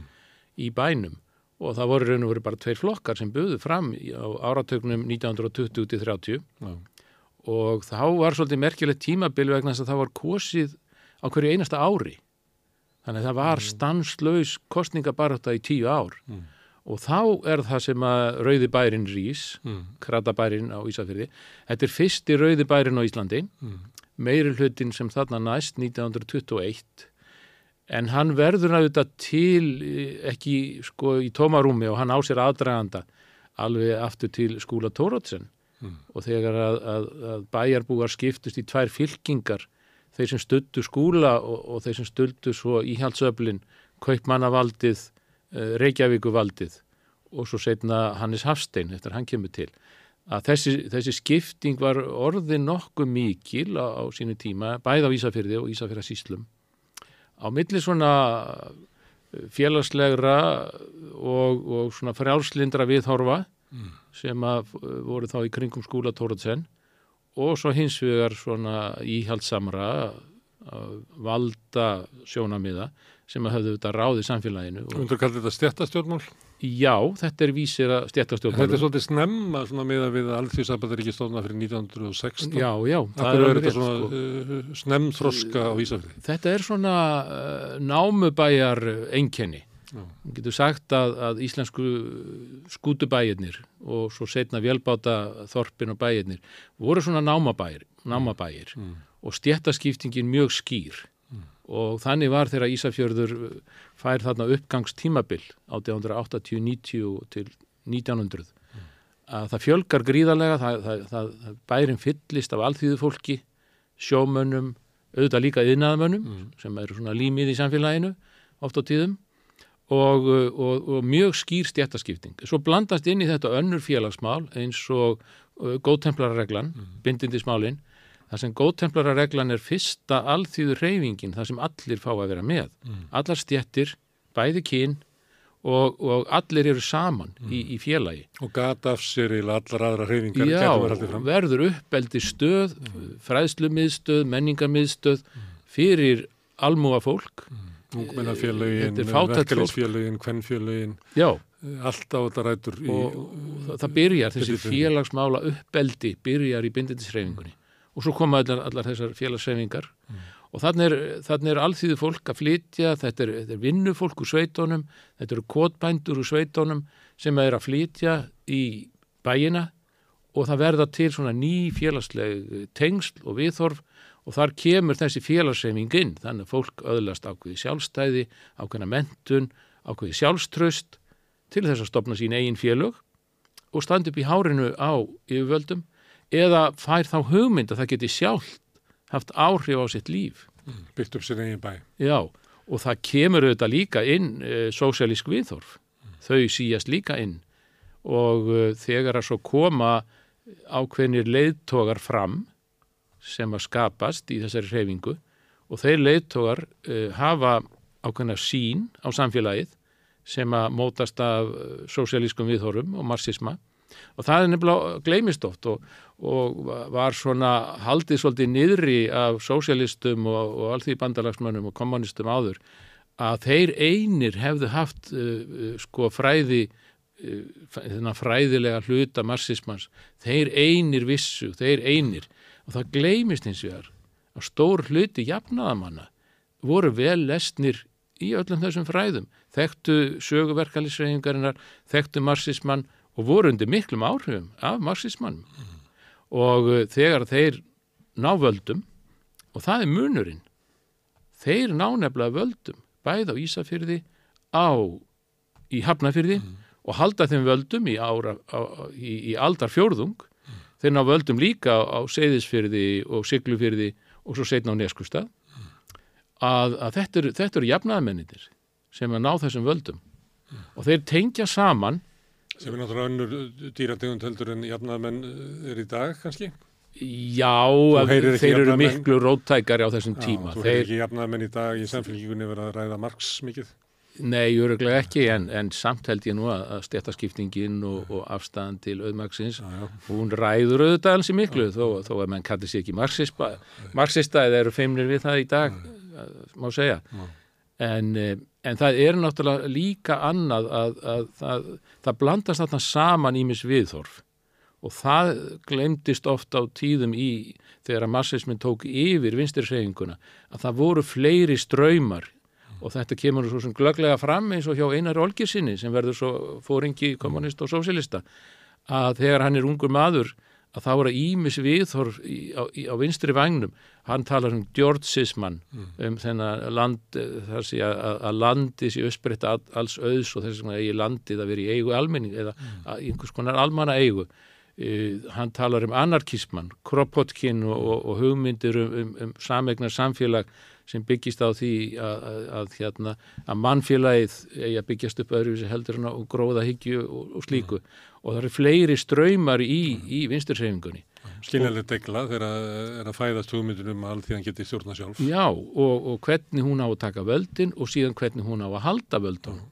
Og það er það sem er þessi glæsilega saga kratana á Ísafyrði var það sko ekki bara að þeir náðu völdunum, heldur hvernig þeir heldu völdunum og þegar að, að íhaldsöflin ætlaði að knesetja þá í nokkru, nokkru sinnum að þá bröðist er við með því að, grípa til bara róttakari viðhorfa, róttakari aðgerða og nýjunga í atvinnumálum, mentamálum, í félagsmálum og, og öllum skólamálum og, og En segðu mér þess að sögu, hvað var það sem að, að þegar þeir komast til valda, hvað er það sem þeir fara að gera til þess að breyta Ísafri? Já, þeir byrja á því að kaupa bæjalandið og það verða gríðaleg átök millir 1921 og 25 um það hver á að eiga bæjarlandið. Mm. Uh, Vestlandinnar áttu allt landið. Þær áttu bryggjurnar og saltfiskareitana og kom, þær uh, stóru vestlandinnar kom í veg fyrir að það væri hægt að byggja almennilegan bæ. Fólki fekk bara að reysa húsin sín í útjæðrinum á, á saltfiskareitónum og það fekk engin aðgang að bryggjónum til dæmis uh, samfunufjölu eða kauffélög sem að almenningur reyndi að, að, að, að koma á fót eða, eða smá útgerðamenni þeir eru allir að, að borga stórfyrirtækjunum leigur fyrir bryggjurnar. Þetta er svona company town eða námabæri svo að segja. Sem að, þeir sem eiga atvinnutækin eiga allt. og þá koma þeir inn þeir byrja á því að kaupa landið. Það allt í einu er, er vestlun sem að ákveður að hætta og þeir bara grípa inn í hafnarsjóður og bærin kaupir uh, miðkaustæðin og með honum fylgir stór bryggja, einn aðal bryggjan í bænum sem verður þá bæjarbryggjan og þeir stækka hana og þannig er komin aðgangur fyrir alla, jaft til þess að landa sínum abla til þess að la- landa sínum vörum. Og auðvitað er miklu miklu fleira, þeir stopna auðvitað kaufila og kaufilagi verður svo aðal vestlunin í bænum. Og uh, þegar að, að, að hérna útgerðin er svo knésett á Ísafyrði, það er að segja að þeir, þeir eru búin að vinna kostningar fimm ári röð að þá ákveða bankarnir að, að, að knésetja alla útgerðin á Ísafyrði. Þeir taka 15 báta og að selja það úr burt úr bænum. Það er bara lífsafkoma bæjarbúa á bara að selja hana burt. Og hvað gera jafnaða menn á Ísafyrði þá? Jú, þá stopnaðir uh, útgerða samvinnufélag, fyrsta útgerða samvinnufélag á, á, á Íslandi. Og þeir fá uh, samninga við, við, við skipasmíða stöðvar í, í, í Noregi og, og Svíþjóð um að byggja báta og vélar og þeir byggja sjö stóra vélbáta. Og það eru bytnirnir svo, svo kallaðir, þeir héttu allir hérna bytnir Mm. e, Ísbjörn og, og Vébjörn og, og, og, fleiri. Og þessi floti hann auðvitað gerði það að verkum að e, þeir björguðu útgerðabænum Ísafyrði þeir e, e, í raun og veru líka framlengdu örgulega sitt líf sko, í bæ, sem bæjar sem, sem meira hluti bæjarstjórninni í næstu tíu árin. Og þetta gerist 1927 og nýju bátarnir koma 28 og 29 og þessi floti verður sko merki jafnaðamanna merki um það að alþjóðan getur rekið sín eigin fyrirtæki auðvitað lenduður í miklum erfileikum vegna þess að, að, að það er ekki nema rúma ári eftir að bátandi koma þá kemur, þá kemur kreppan mikla. Og, og verð á saltfiski hrínur um 20 og svo 30 og 35% þannig að þeir lendu þetta í miklum erfileikum eins og önnur útgerð. En þeir heldu áfram og komist í gegnum þetta tímabil og uh, það, var, það var frækt sko að, að á hverju, hverju sumri þá fóru Ísafjörðabátarnir alltaf á, á síld uh, á, Siglufjörð. Og samvinnufélagi kom sér upp síldarverkun auðvitað á, á Siglufjörði það var Ísfjörðingaplanið og Ísfjörðingabrakkin sem að núna er sko síldarminni safnið á, á, á Siglufjörði og, uh, og þegar að, farið, þeir fóru sko í allir í, í hóp siglingu frá Ísafjörði það fóru allir, sjómenninni voru náttúrulega á bátunum en konurnar fóru með til þess að vinna í síldinni og, og það var stundur sagt, ég, manna, pappi sagði það, hann, hann fættist 31 að hann, þegar hann var strákur sko, þá voru börnin sendi sveitina konurnar fóru á síldina og kallarnir voru á bátunum. Það var engin eftir á Ísafjörði nema nokkra skrifstofublækur og, og einhver gamalmenni. Þannig að allir fóru á síldina. Og svo er sagt sko að þegar að, að floti ísfyrðingana kom siglandi inn siglufjörðin og, og, og allir með fánum og allir, þeim voru vel við haldið og þetta voru glæsileg, glæsilegi mótorbátar að það var sagt, nei, rússarnir eru komnir.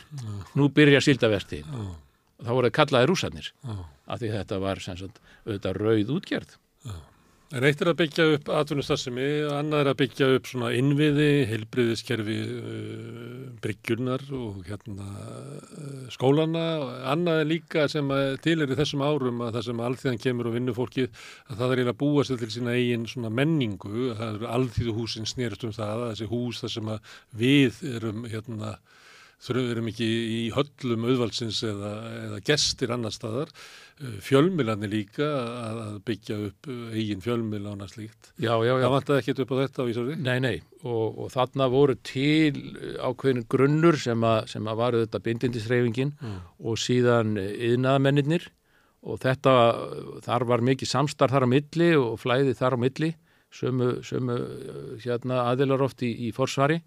Þeir buðu fram í bæjarstjórnum og, og, eða kostningum og, og, og svo leiðis og þeir gaf út blöð og, og, og, og ráku prensmiði og, og það má segja að, að kratarnir hafi svona, hafi svona sko runnið inn í þessa hefð Já. og tók hana yfir að hluta til. Þannig að það voru verkalýsfélögin, það var yðnaðamanna samtökin og það var beindindisreifingin og þetta þrent, Mm. þegar þetta þrent fléttaði saman að þá var hérna komin bara örugur meiri hluti í bæjarstjórninni og síðan koma róttækir fórustu menn sem eru áræðinir og þóra að gera ákveðna hluti og, og þannig má segja að þeir hafi haldið eh, þessum eh, meiri hluta þarna í 25 ár eh, með því að taka yfir, já, félagsmálin, menningamálin, eh, skólamálin voru eitt, þeir stopna strax og sett lög um gagfræðaskóla 1930, að árið eftir þá er búið að stopna gagfræðaskóla á Ísafyrði og alþjóðsið er byggt í miðri kreppunni og það er,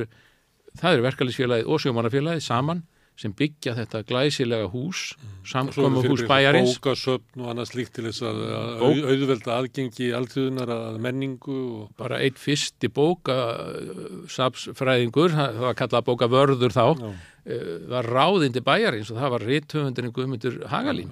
Hann var ráðin sem bókavörður til Ísafjörðar og, uh, og setna verður hans og annar einn aðal fórustumadur í, í reyfingu jafnaðamanna í Rauðabænum. og hefur verið skrifað um hvernig bókasöfnið hann, uh, hann bjóð til Já, já. og hversu vel hann var tengdur um öllum reyfingum í, í bókmöntum heimsins. Já, já, já. Laðaði það til sín og hafði um áhrif á það hvað Ísfyrika voru að lesa. Akkurat, mm. það sem hann valdi inn og, og, og, og lánaði út Já. og bækur þetta þetta fyrir daga daga útvarsins meira segja, hvað þá sjóvansins þannig að það var bíóhúsið Já. og bókasafnið það var menningaruppbeldið og svo skólamálin mikil áhersla á, á skólana Já. Og svo var þetta menningabæri, það var tónlistaskóli og tónlistarlíf. svo kemur sko, kemur það að, að Jónas Tómasson uh, starfrætti þarna kóra og tónlistastasemi og hann er einn af, bæjarfjöldróunum mm. millir 20 og 30 í, í þessum flokki jafnaðamanna og svo setna er svo tónlistaskólinn fyrst í tónlistaskólinn á landinu stopnaður það er, það er reyndar svolítið setna Já. og, og, og Ragnar Há Ragnar kemur og, og, og þetta mikl, þessi mikla tónlistar hefð sem að, sem að Ísafjörður eiginlega byggir ennþá á Ef við skoðum Ísafjörð 1921 þegar þeirna á völdum Mhm. og svo 25 ár fram í tíman, þetta er gerbreyttur bær.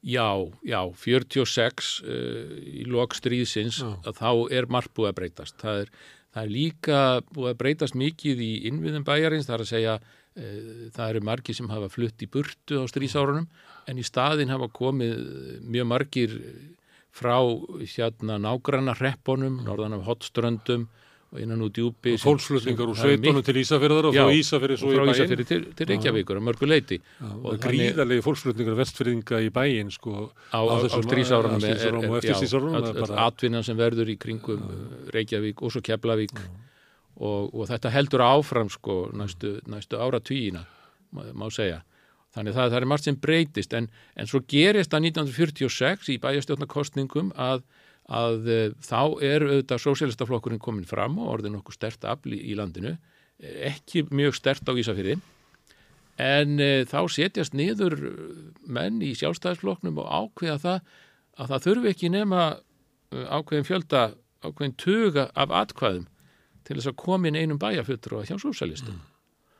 Og þeir bara ákveða það að, að, að það þýði ekki að allir sé að kjósa sjálfstæðarflokkin því að hann minn aldrei ná meiri hluta einn. Það verða að hafa eitt sósilista með.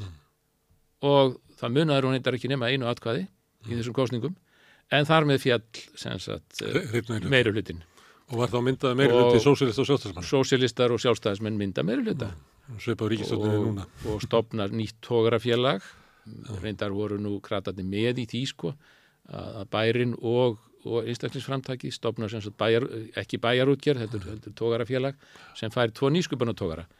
Svo reyndar sprakk þessi meiri hluti og, og sósílistar og allþýðuflokkurinn takk upp samstarf eftir 1950 og svo millir 60 og 70 eru kratarnir í, í, í fórustu í meiri hluta þar sem eru bæði e, alþýðflokksmenn, fransflokknumenn og alltaf einn alþýðbandalagsmaður með, mm. fyrst sosialistu og alþýðbandalagi og þannig að það er vinstri meiri hluti á Ísafjörði alveg fram með 1970 að það var ekki fyrir þá sem að sjálfstæðiflokkurinn nær svona fótfestu í bænum. Mm.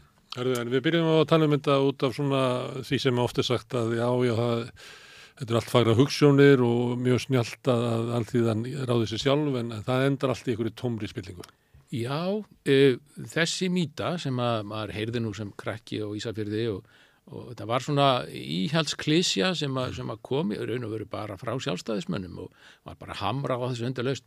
Það sem að, að jafnaðamenn gerði á móti og alveg frá byrjun, frá 1922, það var alltaf að byrta alla reikninga reikningar bæjarins, reikningar sjúkrahúsins, reikningar kúabúsins og það var nú eitt að stopna sérstatt kúabúa við hún bæjarins og hugsaði hvað, slík hugmynd, hvað, hvað svona undirtektur hún fengi í dag.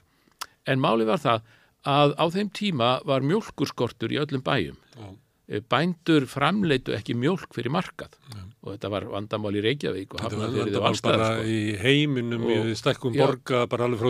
Já, já, já. Það verða til kúabú bara inn í borgum til þess að berga þessu. Til þess að, að, að það sé einhver mjölk til.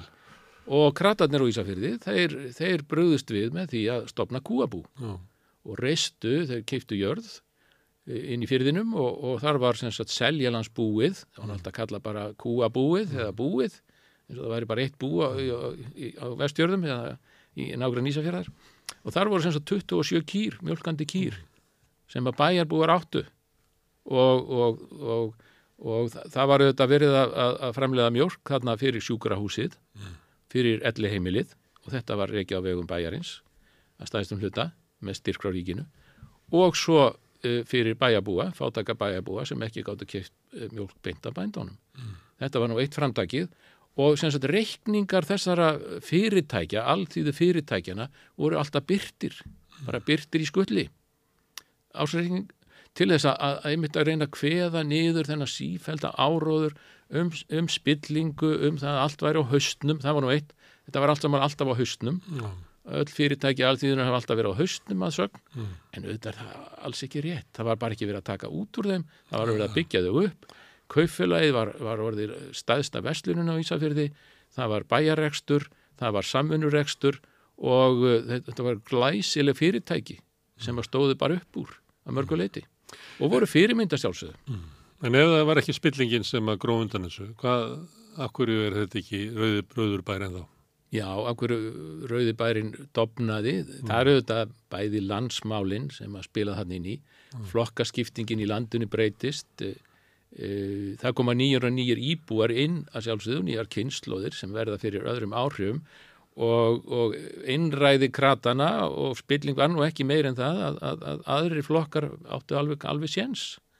Og eh, að sjálfsögðu í, í stórum kaupstæði eins og Ísafjörði það var haturum pólitík að sjálfsögðu og, og það var mikil baráta og, og sjálfstæðismenn sáu sig um hönd og, og fóru eftir 1930 fóru þeir að byggja upp sín eigin útgerðafélög aftur. Mm. og það örðu til glæsileg útgerðafélög á vegum þeirra. Engareikin fyrirtæki við hliðina á samverðureksturinn mm. og í, í samkeppni hvert við annað.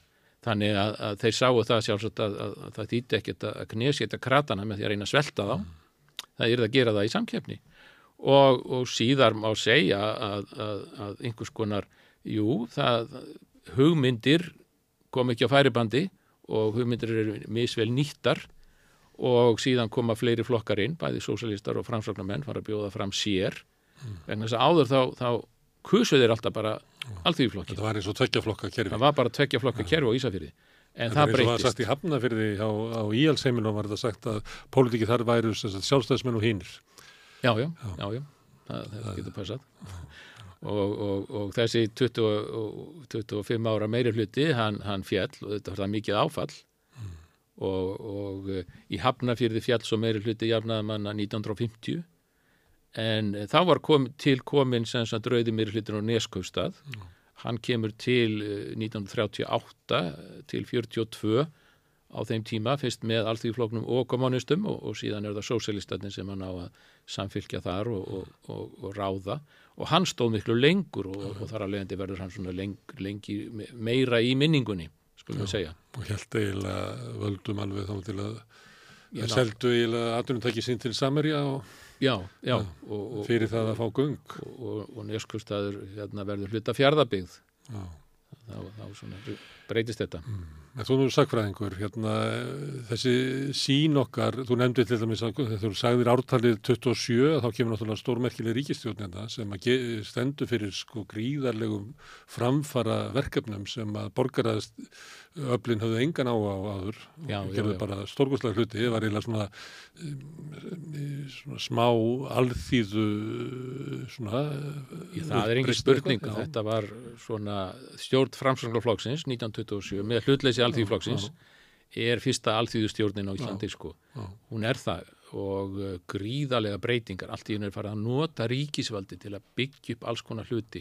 Hér að skólana og, og, og margt fleira og auðvitað það þurfti þá ríkisjótt líka til þess að stopna samvinnufélag Ísfyrðinga vegna þess að til þess að fá lán, til þess að byggja þess að sjö báta í útlandum að þá þurfti að fá einhvers konar ábyrð og uh, Jónas frá Hriblu og fransvörnarmennir að þeir stóðu með krötunum á Ísafyrði og að því að þetta var samvinnufélag að þá gáttu þeir ekki annað heldur en stæði með því og, og veitti ákveðna ábyrð mm. fyrir lánunum. Mm. Íhjaldstjórn hefði aldrei gert það og, og þess vegna var það ákveðin fórsenda.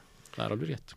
En sín okkar á þessa tíma, þessa ríkistjórn, uh, kratabæina og, og fleira sem er gert á þessu tíma, bæjarútgerðina sem að svona í almennu umræðu, þú veist, það er ekki bara ekki til svo auðmur maður en get ekki dissað eitthvað bæjarútgerðinar til í sig að það hefur í aðstöðu. Það er alveg stórmerkilegt. Það er, það er eins og, er það að, að Sigurvegarinn, hann sigur að söguna og það er bara, er, bara skri, endur skriðu Íslandsaga, nú eigum við að trúa því að við höfum hérna, barist úr fátakt uh, með því að elda einhverja, hvað ætla heiti ekki, frumkvölar, at, aðtapnaskáldin. Já, já, Þau já, já. byggt upp Ísland, Og- sem er bara og- kolröngsaga. Og svo saga er auðvitað bara hrikalega ósönn í raun og veru. Jú, jú, við eigum auðvitað glæsilega fulltrúa kapitalismans sem betur fyrir. Það var nú stundu verið sagt að, að, að íslenski kapitalistar hafa nú yfirleitt verið svo auðmir, lélegir og, og, og slæmir kapitalistar þeir hafa aldrei hugsað um, um fólkið eða menninguna til dæmis eins og víða í útlöndum. Og, og þar að leiðandi hefur, hefur rist þeirra aldrei verið eins, eins glæsilegt eins og hefði mátt vera ætla.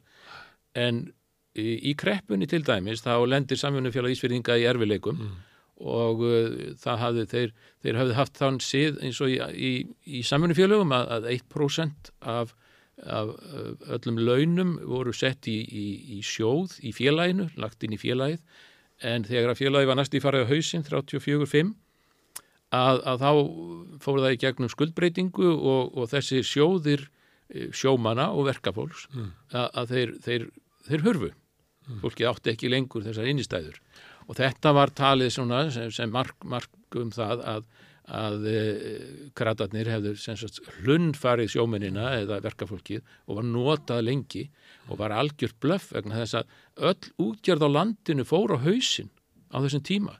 Meira að segja kveldúlfur sem með sína sjö tógara að, að þeir voru upp á náð og miskun landsbankans og hefði í raun og verið átt að vera löngu búið að gera þá upp Þú voru eiginlega gjaldróta eins og Þú voru gert í- í- í- í, í- í í 69 Já, þeir byðu nú lengi þá til að sko kröfunar af því þær eru á föstu velagi Já, já. og svo eignirnar var hægt að ávasta einhver leiti það var ekki fyrir en það var hægt að gera kveldúlu upp eins og hafi átt fyrir öllum skuldu sín Já, já, einmitt, og, og, og, og þannig var bara með meira og minna alla tógar út í landinu á þessum tíma. Já, og á þessum tíma eins og þú vísar í áðan að þá var það þannig að ef ekki hefðu verið fyrir samvinnu fyrirtæki þá hefðu Íslendingar náttúrulega ekki byggt upp sjávarútveginn eins og þau gerðu því að það var lítill vilji í svo kallað enga framdags til þess að fjárfesti sjávarútvegi Já, á þessum árum. máttleysi, máttleysi íslenskar kapitalista hefur oft verið alveg gríðalegt og, og, og ef þeir hafa ekki geta séð fram á, á örugan gróða samstundis helst að þá hafa þeir ekki þórað að, að fara í og þá hafa félagsli fyrirtæki þurft að halda upp í atununni og það gerðist út um allt land auðvitað á 20. öldinni mm. samfunnufélögin, kaufélögin og svo alls konar uh, bæjarútgerður og bæjarfyrirtæki og svo samvinna á milli bæjarfyrirtækja og enga framtags, það var mjög víða líka þannig mm. bæðum um, um vjálbátaútgerð, tógaraútgerð fiskvinnslur og svo fleira Ábyrði, ábyrði á mörgum stöðum, svo Húsavík og fleiri stöðum sem eru svona fyrir, fyrirtæki sem eru samblanda samvinnu fyrirtækjum og enga fyrirtækjum. Já, og þetta var út um all land sko. Já. Og þá, á þessum árum að þá var, þegar við tala um blanda hagkerfi, að þá var þetta í mitt blanda hagkerfi. Það var því að opinbera sá um opinbera rekstur, Mhm. en atvinnurekstur var að, að, að hluta til hérna, engarekstur, hluta til samvinnu fyrirtæki og hluta til opinber fyrirtæki. Já, já. Þetta var kallað blanda gamla Þetta var blandað hagkerfi Nú er blanda hagkerfi þannig að allt atvinnulíf er, er hérna, enga framtækið með það Mm. og svo eru þau komin sko halva leiðina inn í opinbera reksturinn í helbriðiskerfi. Já, já, með því að, enga væða ofnbæra þjónustu Já, þetta er, Já. hérna, þetta er nýja, blandaða nýja hagkerfið í skil Já. já, já, já, já, þetta er náttúrulega gjör ólík mynd eða við það sem að var áður og að því að við komum aftur kannski að, upp, að því sem við töluðum fyrstum að, að þessi glæsilegu fóringjar sem, sem að, að jafnaði menn áttu í, í, á Ísafyrði og, og í Hafnafyrði sem, sem að gleymist ofta þessi gríðalegu áhrif sem þeir höfðu vegna þess að, að þeir síndu fram á að alþýðan og, og þessi félagslegi rekstur gæti staðið undir heilu samfélagunum og þeir báru höfuði hátt og þess vegna var þetta ráðist mest á þá að sjálfsögðu. Og, og þessir fóringjar eh, fyrst Vilmundur Jónsson og Finnur Jónsson og síðan kemur Hannibal og, og, og Jón Há Guðmundsson sem að þeir voru tvíeiki og svo, og svo Guðmundur G. Hagalín þetta eru nú alltaf reyndar kallar og þetta var mikið kallaveldi reyndar bæði verkalegu seifingunni og, og, og stjórnmálunum á þessum tíðum Það er eiginlega synd verkefnisreifingarna hafi ekki getað tekið sko já, til sín. já, það er alveg rétt og, Það er sorg- og, það er konur sem komu fram, það komu nú konur fram alltaf öðru koru Mm. en þær, þær voru aldrei lengi og hurfu oftast Mm. út þær, þær, þeim var ekki lift skulum við segja í efstu tröpunar en, en þessir menn allir sem að ég nefni þarna þeir, þeir, þeir lögðu á sér gríðarlegar fórnir bæði persónulega og fjár, sérstaklega fjárhanslega Mm. og allt tal um það að þeir hafi verið að skara elda sinni eigin köku er, er, er því líkt rugl að, að, að, að það er eiginlega dónaskapur að vera að halda þessu fram. Vegna þess að þeir lögðu á sig alveg gríðarlega vinnu og, og, og að stórum hluta þá, þá lögðu þeir á sínar eigin fjölskyldur eiginlega sko mjög svona miklar fjárhanslegar áhyggjur og erfileika að mörgu leiti gegnum, gegnum stó, eiginlega allan sinn feril. Og, og þó þeir væru í bæjarstjórnum eða, eða jafnvel þó þeir væru kostnir á alþingi að þá voru það bara, bara sára lítið laun á þessum tíma fyrir slíka. Og og svo fengur þeir engin laun að sjálfsögðu fyrir, fyrir að sinna formensku í verkalýsfélögum eða rítstjórna blöðum eða annað. Það, það, var ekki, það var ekki nokkur laun sem þeir fengur fyrir það þannig að þetta var, þetta var gríðalega fortfúst starf og oft vanþakklátt en það þeir fengu samt umbunina sem var það að fólki treysti þeim. Sá bær sem að, að þeir og þau vildu byggja upp var svona bær þar sem að fólk hafði svona völdin í sínum höndum yfir atunlífinu, yfir menningunni og helbriðstjónustunni, skólunum, félagsstarfinu og, og bæinni réðu sér sjálfur. Það var draumur þeirra. Já, já. Nú þegar maður fer, eh, ég veit ekki hvort að ég við um Ísafjörða með, við getum setið þarna og ég getum sett þarna er bónus og þarna er nú sjófa og, og þetta er meira meina útibú. Eða allar ákvarðanir varðandi bæin eru teknar eitthvað annar stað. Þannig er sjúkrásið en, en yfirstjórnir þar eru á Akranesi Mhm. og, og þú kannast við það er sogað út sko, nú er hugmyndunum að leggja niður síslumennina og þannig að það er orðið, það eru kannski komin í þessa staði sem áður höfðu eiginlega hérna, framtíð sína í sínum höndum um hvernig við ætlum að byggja upp Ísafjörð Það er bara eiginlega uh, sára fáar ákvarðanir sem að snertir sko framtíð bæjarins sem eru teknar innan bæjarins.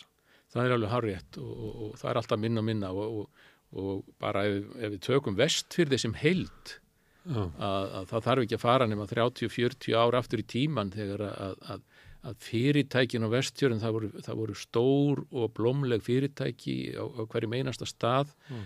e, sko útibústjórar landsbankans og, og, og, og útesbankans og búnaðabankans voru kallaði bankastjórar. Af því þeir réðu.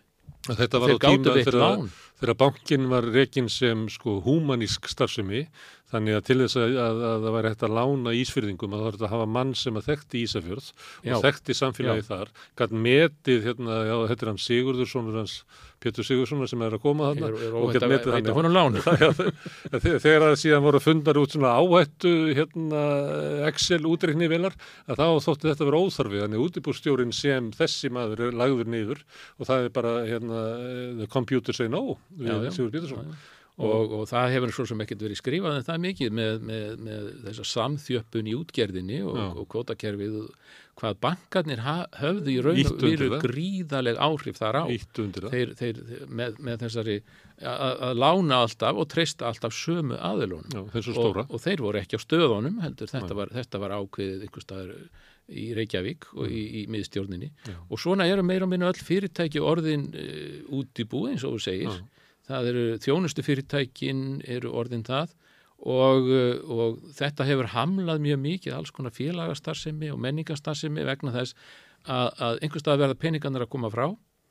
Og áður fyrir þá voru það fyrirtækin allstaðar út um landið sem stuttu starfsemi í sínum héröðum en nú er þetta orðið bara einhvers konar tölvu símsvari sem að svarar öllu. Ef þú ætlar að fá uh, styrk til fyrir menningar viðburð eða útgáfu eða hvað sem er að, að þá er þetta orðið bara endumur þröskuldar. Og, og síðan er þið bent á að sækja um í samfélagssjóðin hjá einhverju miðlægu fyrirtæki í Reykjavík. Þannig að pe dreifing peningana er orðin svo miklu miklu minni út um landið heldur um var. Og kvótakerfi hefur náttúrulega líka önnur árið sem er það að, að fyrir kvótakerfi þá var útgerðað fyrirtækið bundið bænum, bundin vinnuaflinu, bundin miðunum þetta fyrir utan, en þegar kvótakerfi kemur og kvótin verður eign, þá get ég bara að fara með kvótan frá Ísafyrir til vopnaferðar með þetta hug. þetta er bara endalust dæmi sem við þekkjum. Þannig að þú um- ert ekki háður, efnamadurinn, hann er ekki háður hérna, þorpinu Nei, nei, nei, nei, bara alls ekki. Og, og, og, og hér áður fyrir þá lítu nú oft eh, sko útgerðamenninir hvort sem þeir voru, voru enga fyrirtæki eða samfunni fyrirtæki að þá lítu þeir þannig á að, að þeir hefðu fengið, eh, fengið þetta frá fólkinu í raun og veru. Og þess vegna bæði þeim skilda til þess að, skila einhverju aftur til samfélagsins. Já, alltaf það var mjög rík hugsun Já, hér áður fyrr. Ekki alltaf svona jafnaðar hugsun, heldur getur verið svona sem að vera gæta að kalla svona húsbóndaskylda. Já, þetta er meira svona húsbóndaskyldan og, og, og, og það, en við kenning samt á því að, að fyrirtæki þeirra sem að hefur byggst upp í einhverju ára tugi, byggðist ekki upp bara vegna þess að þeir voru svo snjallir stjórnendur eða svo snjallir að krí út láni í bankanum, heldur vegna þess að þeir höfðu góða sjómenn, þeir höfðu góða skipstjóra, þeir höfðu góðar áhafnir, þeir höfðu gott fólk í fiskvinnslunni, þeir höfðu gott fólk sem þeir gáttu trist, sem að byggðu fyrirtæki með þeim. góðan bæ sem, sem bakbein. Já. Nú geti ykkur verið á Ísafyrðu að vera að hugsa svona, já, kannski getur við að hérna, ná aftur völdum yfir okkar hérna, byggðalagi aftur og svo þá segja menni það, hvernig ætlar að gera það, þetta er allt farið, sko. En uh, fólki sem þú varst að lýsa þarna, eh, sagan byrjaði einhvern tíman upp úr uh, 1880, að það var náttúrulega fólk sem var fullkomlega réttindalaust, Já. átt ekki neitt, Einmitt. hafði ekki kostningarétt, var eiginlega ekki hluti, að- að- það voru ekki borgarar í, í samfélaginu og áttu ekki eignamenninir áttu landið, áttu bryggjunar, áttu alla innviði. Eh, Því fólki tókst að leggja í stað í baráttu fyrir að hafa völd yfir sínu eigin lífi Já. sem að þú rættir. Já. En einhver leiti þá hefur þetta fólk mist þessi völd aftur og okkur í dag finnst einhvern veginn verkefni það að fara að sækja einhver völd aftur vera eiginlega óyfistigaleg en raunverulega er stað okkar kannski í dag það var alltaf líkinni saman við stöðu fólksins sem lagði af stað í barátuna sko. Nei, það er auðvitað uh, merkilegt að hugsa til þess að núna höfum við öll tækifærin. Já. Við höfum mentastofnanir, men, almenna mentun og háu stíi. Við höfum uh, aðgang að uh, félagasamtökum aðganga að, að, að í raun og veru aðganga að völdónum Málfrelsi og tjáningafrelsi, Já. kostningarétt og en, en auðvitað má segja að mörguleiti eru við afvega að leita hverju meins degi alveg eins og þeir sögðu í gamla daga. Þeir sögðu að valdhafarnir afvega leið ykkur, þeir vilja fá ykkur til þess að, að sitja á, á knæpunni allan daginn og drekka frá ykkur allt vitt þeir vilja fá ykkur til þess að eyða peningunum í vitleysu. Þeir vilja að, að fá að drottna yfir huga ykkar og, og, og, og öllu og sama er auðvitað í dag. Við, við bara finnum þetta bara hvert, hver einn einstaklingur og hverjum einasta degi að, að eftir, eftir vinnudaginn þá er búið gott að geta bara farið á Netflix eða, eða hangið í tölvinu eða hvað sem er og, og, og hugsa ekkit um, láta einhver aðra hugsa fyrir okkur. Já. En ef þú gerir það þá náttúrulega eru þeir að ekki hugsa þinn hag, heldur sinn. Já, já. og þeir endur skrifa söguna og svo skrifa þeir söguna og segja þér að það þýð ekkit fyrir þig að vera að- reyna. Já, við reyndum þetta að vísa fyrir það endaði allt í ykkur svillingu Sem er ótrúlegt. Já, sem ótrúlegt. En Þetta er bara, þetta er, eh, starriðin já, já, en samt eru nú allstað, alltaf einhverju neistar Já, já. Eh, það eru neistar sem loga Já. sem betur fer Já, en, en til þess að þeir logi að þá þurfum við að stunda uh, líðræði sem, og þá er verkalýsbarátta er, er já, já. bókasöfn eru líðræðisbarátta og það að allir hafi aðgengi að almannarými og- almannaþjónustan. Já, að við séum inn í okkar húsum en ekki alltaf gestir hjá einhverjum sem að eiga það þetta er allt saman líðræði og til þess að eiga líðræði þá verðum við að stunda það já, já. og blása í glæðunar það þarf að styrkja. Mm. það sem að, að, til er og, og efla það. Og til dæmis eins og samstöðina og fleira. Þú ert ekki að stunda fótbolta ef þú ert að horfa á enska boltan á fjastýringunni Nei, það er ekki mikil æfing í því. Það er ekki æfing. Herðu, Sigur, alltaf gaman að fá þig hérna, komdu sem oftast. Takk fyrir. Herðu, við ætlum að þetta verða lokin á rauðaborðinu í kvöld. Uh, fjölbreytilegu þáttur uh, að baki.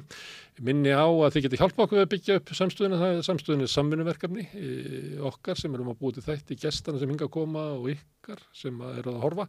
Þið getið læka síðunar okkur á Facebook og YouTube bent vinum og vandamönnum á efni sem ykkur líkar og bent á að við erum á öllum hlaðvarsveitum, við erum í útvarpinu á stór höfuborgarsvæðinu 89,1 á FM en það er líka að ná út af sendingunum okkar á spilaranum, hann er bæði á netinu spilari.is og svo er líka spilarinn app sem getur hlaðið niður í síman og þú getur hlustað á, á samstöðun og allar íslenskar útastöður hvað sem er í heiminum.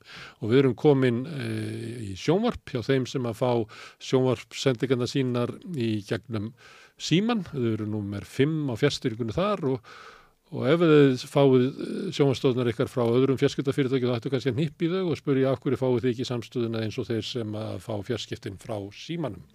Þið sem að vilja hjálpa okkur við að byggja upp samstöðuna geta gert það með að gerast áskrifundur. Þið farið þá inn á samstöðun.is, það er nappu sem ástundur áskrift. Það kostar bara 2500 krónur að vera áskrifandi hér. Þetta er ódýrasta áskriftin í bænum, hlægilega ódýr með við það efni sem við búum til. Þið sem að vilji geta borga meira og þið sem að kjósið geti látið áskriftin að renna sem félagsgjöldin í alþjóðfélagið og það er alþjóðfélagið sem á og rekur samstöðina og þeir sem að voru að hlusta á okkur sigur þetta áðan vita það náttúrulega að það er ekki, ekki tilvílun. Alþjóðfélagið heitir alþjóðfélagið. En ég þakka kjærlega fyrir mig í kvöld og segi bara góð nótt. Hvernig getur við réttlætt að sívaksandi hópur eblingarfólks festist á legumarkaði? Ebling stettarfélag. Segðu það á samstöðinni.